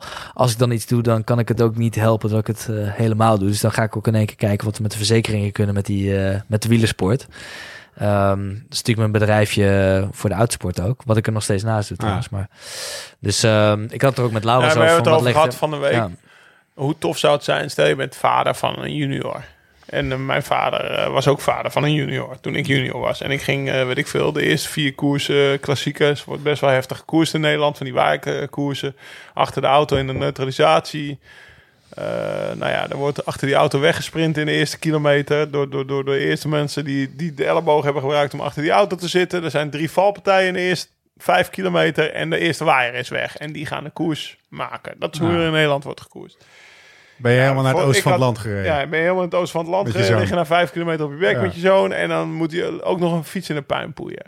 En ik heb het met de ringer over gehad. Hoe, hoe fijn zou het niet zijn voor, voor die vaders... om dat bij wijze van spreken af te kopen voor een jaar. Van, joh, ik weet nu voor, weet ik veel, vijf of acht, eh, honderd euro wat die polis is... dat mijn zoon een jaar voor dit geld... hoe vaak hij ook zijn fiets in de puinpoeier rijdt... Ja. Dat gaat niet de reden zijn om uit de sport te stappen. Nee, precies. Dat die, dit, dit budgetteren we. Dit, Ja. dit, dit kunnen we budgetteren. Dit is, en, en, en als hij twee frames stuk valt, heeft Renger pech. Eh, valt hij niks stuk, ze hebben allebei geluk. Want Ja. dan heb je ook geen rood rash, bij Ja. wijze van. En dat zou je kunnen verzekeren. Daar hebben we het over gehad van een week. Want ik, ik werd natuurlijk ook getriggerd daar in Mid-Ohio. Want we zitten daar in een vliegtuig tien uur samen. En hoe werkt het nou met die auto's? Ja, nou ja, als, als Mark, dus eh, hè, die rijk stinkend, als die zijn auto hier in de poeier rijdt... dan moet ik dat... eh, Ja, maar rijke stinkend ook zo mooi. Ja. Dat is gewoon een maat van me hoor. Iemand, Eh, iemand die heel hoog is. Ja, ja. Nee, nee, maar het is geweldig om dat zo... Van. Ik Nee, het. Maar als Ja. zijn auto in de poeier rijdt, dan, dan betaalt Renger zeg maar tot een bepaald bedrag wat dat gekost heeft. Wat Ja. net wat hij verzekerd heeft. Ja. Is dat niet zo? Dan heeft Renger die premie eh, in, in, in zijn zak. En dat- nou ja, dat, toen, toen zijn we gaan nadenken van ja, ik weet echt wel dat het. Eh, dat, dat, dat dat voor mijn vader, weet je, nou, lag er weer een wiel in, was er weer een wiel aan gegooid, weet je, dat, dat, dat, Ja. dat is gewoon vervelend. Ja. En als je Maar, eh, ik moet ook zeggen dat met die verzekering, nou je het zegt over die eh, veiligheid, dat in de, in de wielersport lijkt er ook wel niet zo heel ver vooruit gedacht te worden. Dus ook als je die profs spreekt van, hey, ben je wel eens verzekerd geweest? Dan hebben ze eigenlijk zoiets van, eh, ja sorry hoor, dat kost me alleen maar geld. was, eh, Terwijl, wel. weet je wat het, wat het kan opleveren als je dadelijk wel echt helemaal in de puin ligt en je hebt het gewoon goed afgedekt? Weet je, dat soort dingen. Dus het, het is inderdaad wel een beetje kortzichtigheid of zo. Ja. Kan dat kloppen? Of? Ja, nou Ja. ja, het, eh, een- korte termijnvisie. termijn Ja. is de, het contract dan toch? En die, Ja, zijn niet heel, en die zijn niet heel lang, omdat er heel weinig geld is Ja. in, de, in, in maar het ik- cyclisme. Nee, nee, nee, mij is altijd verteld, ja, je kan jezelf je benen wel verzekeren. Bij wijze van spreken, net zoals een pianist zijn vingers kan verzekeren. Ja. Maar dan moet je naar Lloyd. Dat is natuurlijk eh, Lloyds, ja. Lloyds, eh, een of andere Engels, eh, zeg maar. eh, Marketplace eigenlijk. Ja, gewoon, best wel een grote verzekeraar. Of Ja. in ieder geval groot. En dat kost je veel te veel geld, Lau. Dan moet je niet, e- moet je niet eens achteraan gaan. Ja, dat is een slecht advies, want Ja. het hoeft helemaal niet heel veel geld te kosten. En dan kun je wel gewoon eh goede dekking. Maar goed, ik ben hier niet om verzekeringen te Nee, verkopen. maar, maar, eh, ik zie het je wel doen. nou ja, Renger op zo'n paddock. hey, gozer. Gozer. Weet je wel op de risico's zijn. Die sport van jou. ja, Dat zou autootje staat nou mooi te glimmen, maar die kan je ook in de pijnpoeier rijden. Ja, ja. Nee, maar Zeker echt, niet ik werd wel getriggerd door het feit... Ik, Ik vond- ik heb vond mijn het vader wel ongelooflijk, zorgelijk eh, zien ja, kijken. ja. Ook, ook in het wielrennen, want dat, dat gaat om andere bedragen dan in, eh, in het karten of in het... eh, als je overstapt, nou, dat gaat zeker om andere bedragen. Maar ook een Rigida DP18 velg kostte geld vroeger, weet je. Hè? Of een, of, jij of een achter, ja, die Ja? had ik, ja. Netjes, netjes. En eh, da- daar had ik voor gespaard. En dan had ik voor, eh, weet ik veel, eh, bij de supermarkt eh, vakken gevuld voor die fiets. Maar ja, als je, als je dat dan aan, aan gort viel, dan baal ja, dan, dan was het toch even zorgelijk kijken. En hoe kom ik nou voor zondag weer snel aan een nieuw wiel wat zoveel geld kost? Dus, eh, Mooi. Jongen, we gaan langzaam afsluiten. Een paar, paar vrij essentiële vragen. Jij staat, eh, jullie staan alle twee in dezelfde auto eh, aan, de, aan de start af, eh, op circuit Zandvoort. Ja. dit, is- dit zijn wel mooi. de Barolo, hè? Ja, met een, met, een, met een wagentje. Met gewoon alle twee dezelfde wagen. Ja. Noem eens een, eh, een eh, weet ik veel, noem eens een sportklasse. Een, de BMW. heeft ja, die, die Nicky rijdt. BMW M3 Cup. En drie cup. jij, jij en Lau. Jij, jij en Lau. Heb je met Lau noten gezeten of niet? Wat zei je? Heb je wel eens met Lau noten gezeten? Nee, ik, ik zorgde wel dat ik het telkens reed. Ja, oké. ja. Ja, oké. Dus eh, was Ja, geen telefoon, Je doet hè? één rondje. hoe, hoe lang is een rondje Zandvoort? Eh, vijf kilometer, vijf en een half. Oh, hoe lang doe je daar? als jij, zeg, in zo'n BMW M3 doe je Ja? 1,47. 1 minuut 47. hoe lang doet, doet Lau, hoe lang doet Lau erover, denk ik? Ik denk 1,5 2,15. Twee- Ja, zoiets. Ja, ja, ik heb een keer met En de dan rijdt minis hij echt volle patat. Dan rijdt hij patat, ja. Ik heb een keer met de minis gereden. Bloed of ja. bloemen? Bloed of bloemen? Ja, Ja. podium, podium. Nee, ik, eh, ik heb een keer met ja, op- toen eh, met, met Sunweb, die werd toen gesponsord door Mini. Ja. En dan hebben we daar een keer eh, Lachen. weet ik veel, een rijcursus gehad of zo, weet je wel. Volle bak achter zo'n instructeur aan. En dan, dan leer je inderdaad wel, nou ja, Apex en eh, van, van binnen naar buiten en dat soort dingen. Best wel, Mooi. best wel interessant. Net zoals Ik, zou ook, ik, vind het ook ongelooflijk dat die gasten niet meer ehm, bijvoorbeeld karten. Ik heb ook wel eens voorgesteld aan eh, iemand van je moet gewoon gaan karten. En ehm, dan leer je een beetje van binnen naar buiten en naar buiten. Ja. Je, je leert gewoon je lijnen beter rennen. En daar kan je gewoon winst oppakken op de downhill. Dat weet ik 100% zeker. Er is wij- ook een downhill coach, toch? Ja, Oscar Sijs. Ja. Die is dus eh 12 of 13 keer met Rabobank toen mee geweest. Eh, Giants was hij aan verbonden. ja. Eigen downhill. Maar dat is, eh, dat is een downhill coach die door veel World Tour teams inmiddels wordt ingehuurd. Laatst ook bij Jumbo-Visma. Maar hoe moet daar- bijvoorbeeld ik heb wat ik daar al echt- die ik eh, heb daar echt wel profijt bij gehad. al die gasten waarmee ik fiets, die gaan allemaal. Be- je hebt een bocht, je remt, je moet ook weer op een gegeven moment gaan trappen. Ja. Elke fietser gaat te hard de bocht in en op de exit van de bocht, bij het uitgaan van de bocht, dan beginnen ze weer te trappen. Ja. Terwijl ik pak ze daar allemaal op de bocht. Ja, het- misschien dat Ja, ik het... eh, ik vind het heel interessant om te zien. Omdat ik gewoon net voor de, voordat ik bij het midden van de bocht ben... heb ik mijn eerste slag al geslagen, zeg maar. Ja. Dus ik rem wat eerder. Iets eerder op mijn gas, als het ware. Het is gewoon echt Ja. basic Ik denk autosport. dat hij een keertje mee moet. zijn de wattages die heel makkelijk om te zetten zijn de snelheid. Dus je komt sneller die bocht uit. Ja, exact. Ja. Ja, ja, zo Ik simpel wil hem is echt een keer mee die N100. Dan kan ik Ja, het ja. leren, weet je wel. Michel. Hopelijk. of, eh, Sam, we gingen eh, vorig jaar in de Ardennen fietsen. En eh, toen verbaasde ik me waar over, over hoe snel er werd afgedaald. Gewoon in het trainingsritje. Dus ik zit daarachter te harken en elke bocht sneek weer verkeerd. Ik, ik zet het even iets wat gechargeerd aan. Of niet. Sam Omen zei tegen Zo mij... Gozer, een bocht naar links is al je gewicht op je rechterpedaal en je pedaal onderin. Als je dan goed op je fiets zit, voel je je achterwiel, voor je voorwiel, vo- vo- voel je je voorwiel en heb je de druk gelijkmatig verdeeld over die twee en kan je gewoon goed harder die bocht door dan Ja, dat je nu makes sense. Het makes sense. Ja. Elke keer als ik echt zo'n afdaling doe, denk, Denk ik even aan- aan, aan aan, Ooms. aan die tip van Sam, want die had net die, die afdaaltraining Ah, gehad. van Sai. En die zei zelf ook, bij mij zijn die afdaalmechanismen er ook weer een beetje uitgesleten. Dus het was goed dat ik weer even werd teruggezet. En dat ik heb uit die, dat, die twee uur met die gast heb ik één ding gehaald. Dat was dat. En dat geef ik nu aan jou over. Dus bij deze ook aan alle renners. Ja, goed. Terug naar het Formule 1 circuit. Jij staat daar in diezelfde BMW. Ja. Sta je daar naast eh, Tom Bonen. Tom, In- op hetzelfde circuit. ja. Op Ik- hetzelfde circuit. Af en toe aan het appen met hem. eh, Ja? Want hij is fucking racefanaat, man. Ja, die gast is goed hè. Ja. Hij, won, een- hij, won een, hij won een kampioenschap. Hij won een kampioenschap, een amateurkampioenschap. Ik, eh, maar eh, ja, ik vind het wel mooi hoe fanatiek die is. Ik heb ook die documentaire van hem zitten kijken. Wat een gek was dat in Ja. de wielersport. Of Ja. niet dan? Ja, ja. Dus, eh, maar ik, eh, ja, ik vind het mooi om te zien. Hij, tijd van hij de gaat ervoor. Tijd. Tijd? Tijd. sneller. Ja, ik rijd 2,15 wel, eh, voor Loutje. 2,15 voor hem. Ik rijd 47 en rijdt hij eh 48. In een seconde, Oh, ik denk dat, ja, hij is echt wel heel goed. Binnen Wow. een seconde rijdt hij... eh, ik denk niet binnen een seconde, een seconde eraf, anderhalf. Dat moet hem wel lukken. Ik, ik hoorde hem op de podcast van Nicky? het... Oh, Ja, Nick- ja nee, dat is goed. Nee, mag ik heel even die Tom Bonen, verhaal, eh, Ja. dat Tom Bonen eh, anekdote? Ik hoorde, ik hoorde hem op de podcast van, niet Nieuwsblad, maar het eh, laatste nieuws, zeg ik dat goed? Nee, in ieder geval een bel. Sportwereld. Sportwereld, ja. Dat is, dat, is Dat is dat, het nieuwsblad. ja, nee, het was de andere. Ah, Oké. Het laatste nieuws. Het laatste nieuws. Ehm, toen, eh, toen ging hij de koers bespreken. Volgens mij ging het om het WK. En toen was hij, eh, hij te gast. En eh, hoe is het, Tom? Ja, gaat goed, hè? Op mooi op zijn campus. Wat heb je gisteren gedaan? Ja, gereest. En eh, hoe, hoe zit je erbij dan? Ja, hij zegt, ik ben kapot. Ik zeg, ja, hoe? En, en die, die, die interviewer, die zei, joh, hoe kapot? Hij zegt, nou, ik zit er slechter bij dan na mijn slechte Parijs-Roubaix. Slechtste Parijs-Roubaix. Zo. Want hij zegt, het is niet de, de druk op je spieren. Eh, ik weet niet wat voor klasse die rijdt hoor. Maar het, het is niet de druk op zeg maar je, dus de G-kracht op je spieren. Maar het is dat continue gebuts tegen, tegen, tegen die, die kooi aan. En zijn Ja, ja, schenen. ja, hij zegt, ja, ik ben helemaal blauw aan de Ja. buitenkant van mijn lijf. Nou, dat klopt ook wel, ja. Ja, wij maken... Ik heb wel eens een fysio gehad en eh toen reed ik de 24 uur van Daytona in de LMPC-klasse. Toen zat ik niet helemaal lekker in mijn stoeltje. en ik kom na de eerste keer kom ik eh, uit die auto en zij zegt, eh, wat heb je daar gedaan? Je bent best wel beurs. Ja, ik zit niet helemaal lekker en ik, eh, ik moet nog vier keer. Nou, de tweede keer eh, kwam ik terug. Toen zei ze, oeh, dat ziet er echt niet heel goed uit. Eh, we gaan even die behandeling doen.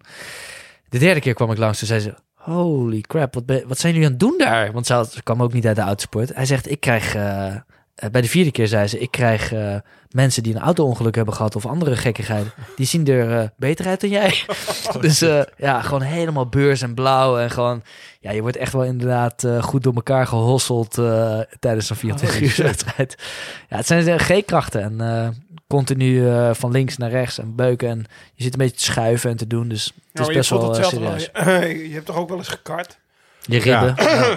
Ja, als je gekart hebt, eh, weet ik veel, 10 minuten op zo'n op zo'n binnenbaantje, dan, dan, dan kom je al naar buiten dat je denkt van Wat fuck. een ellende. ja, toch? Wat een ellende. En, je- en je denkt dat je... Maar wij kunnen ja, je niet geloven. Ja, ja, ik ga echt goed. En dan fuck. Maar je kan toch gewoon niet harder door deze bocht? Als het?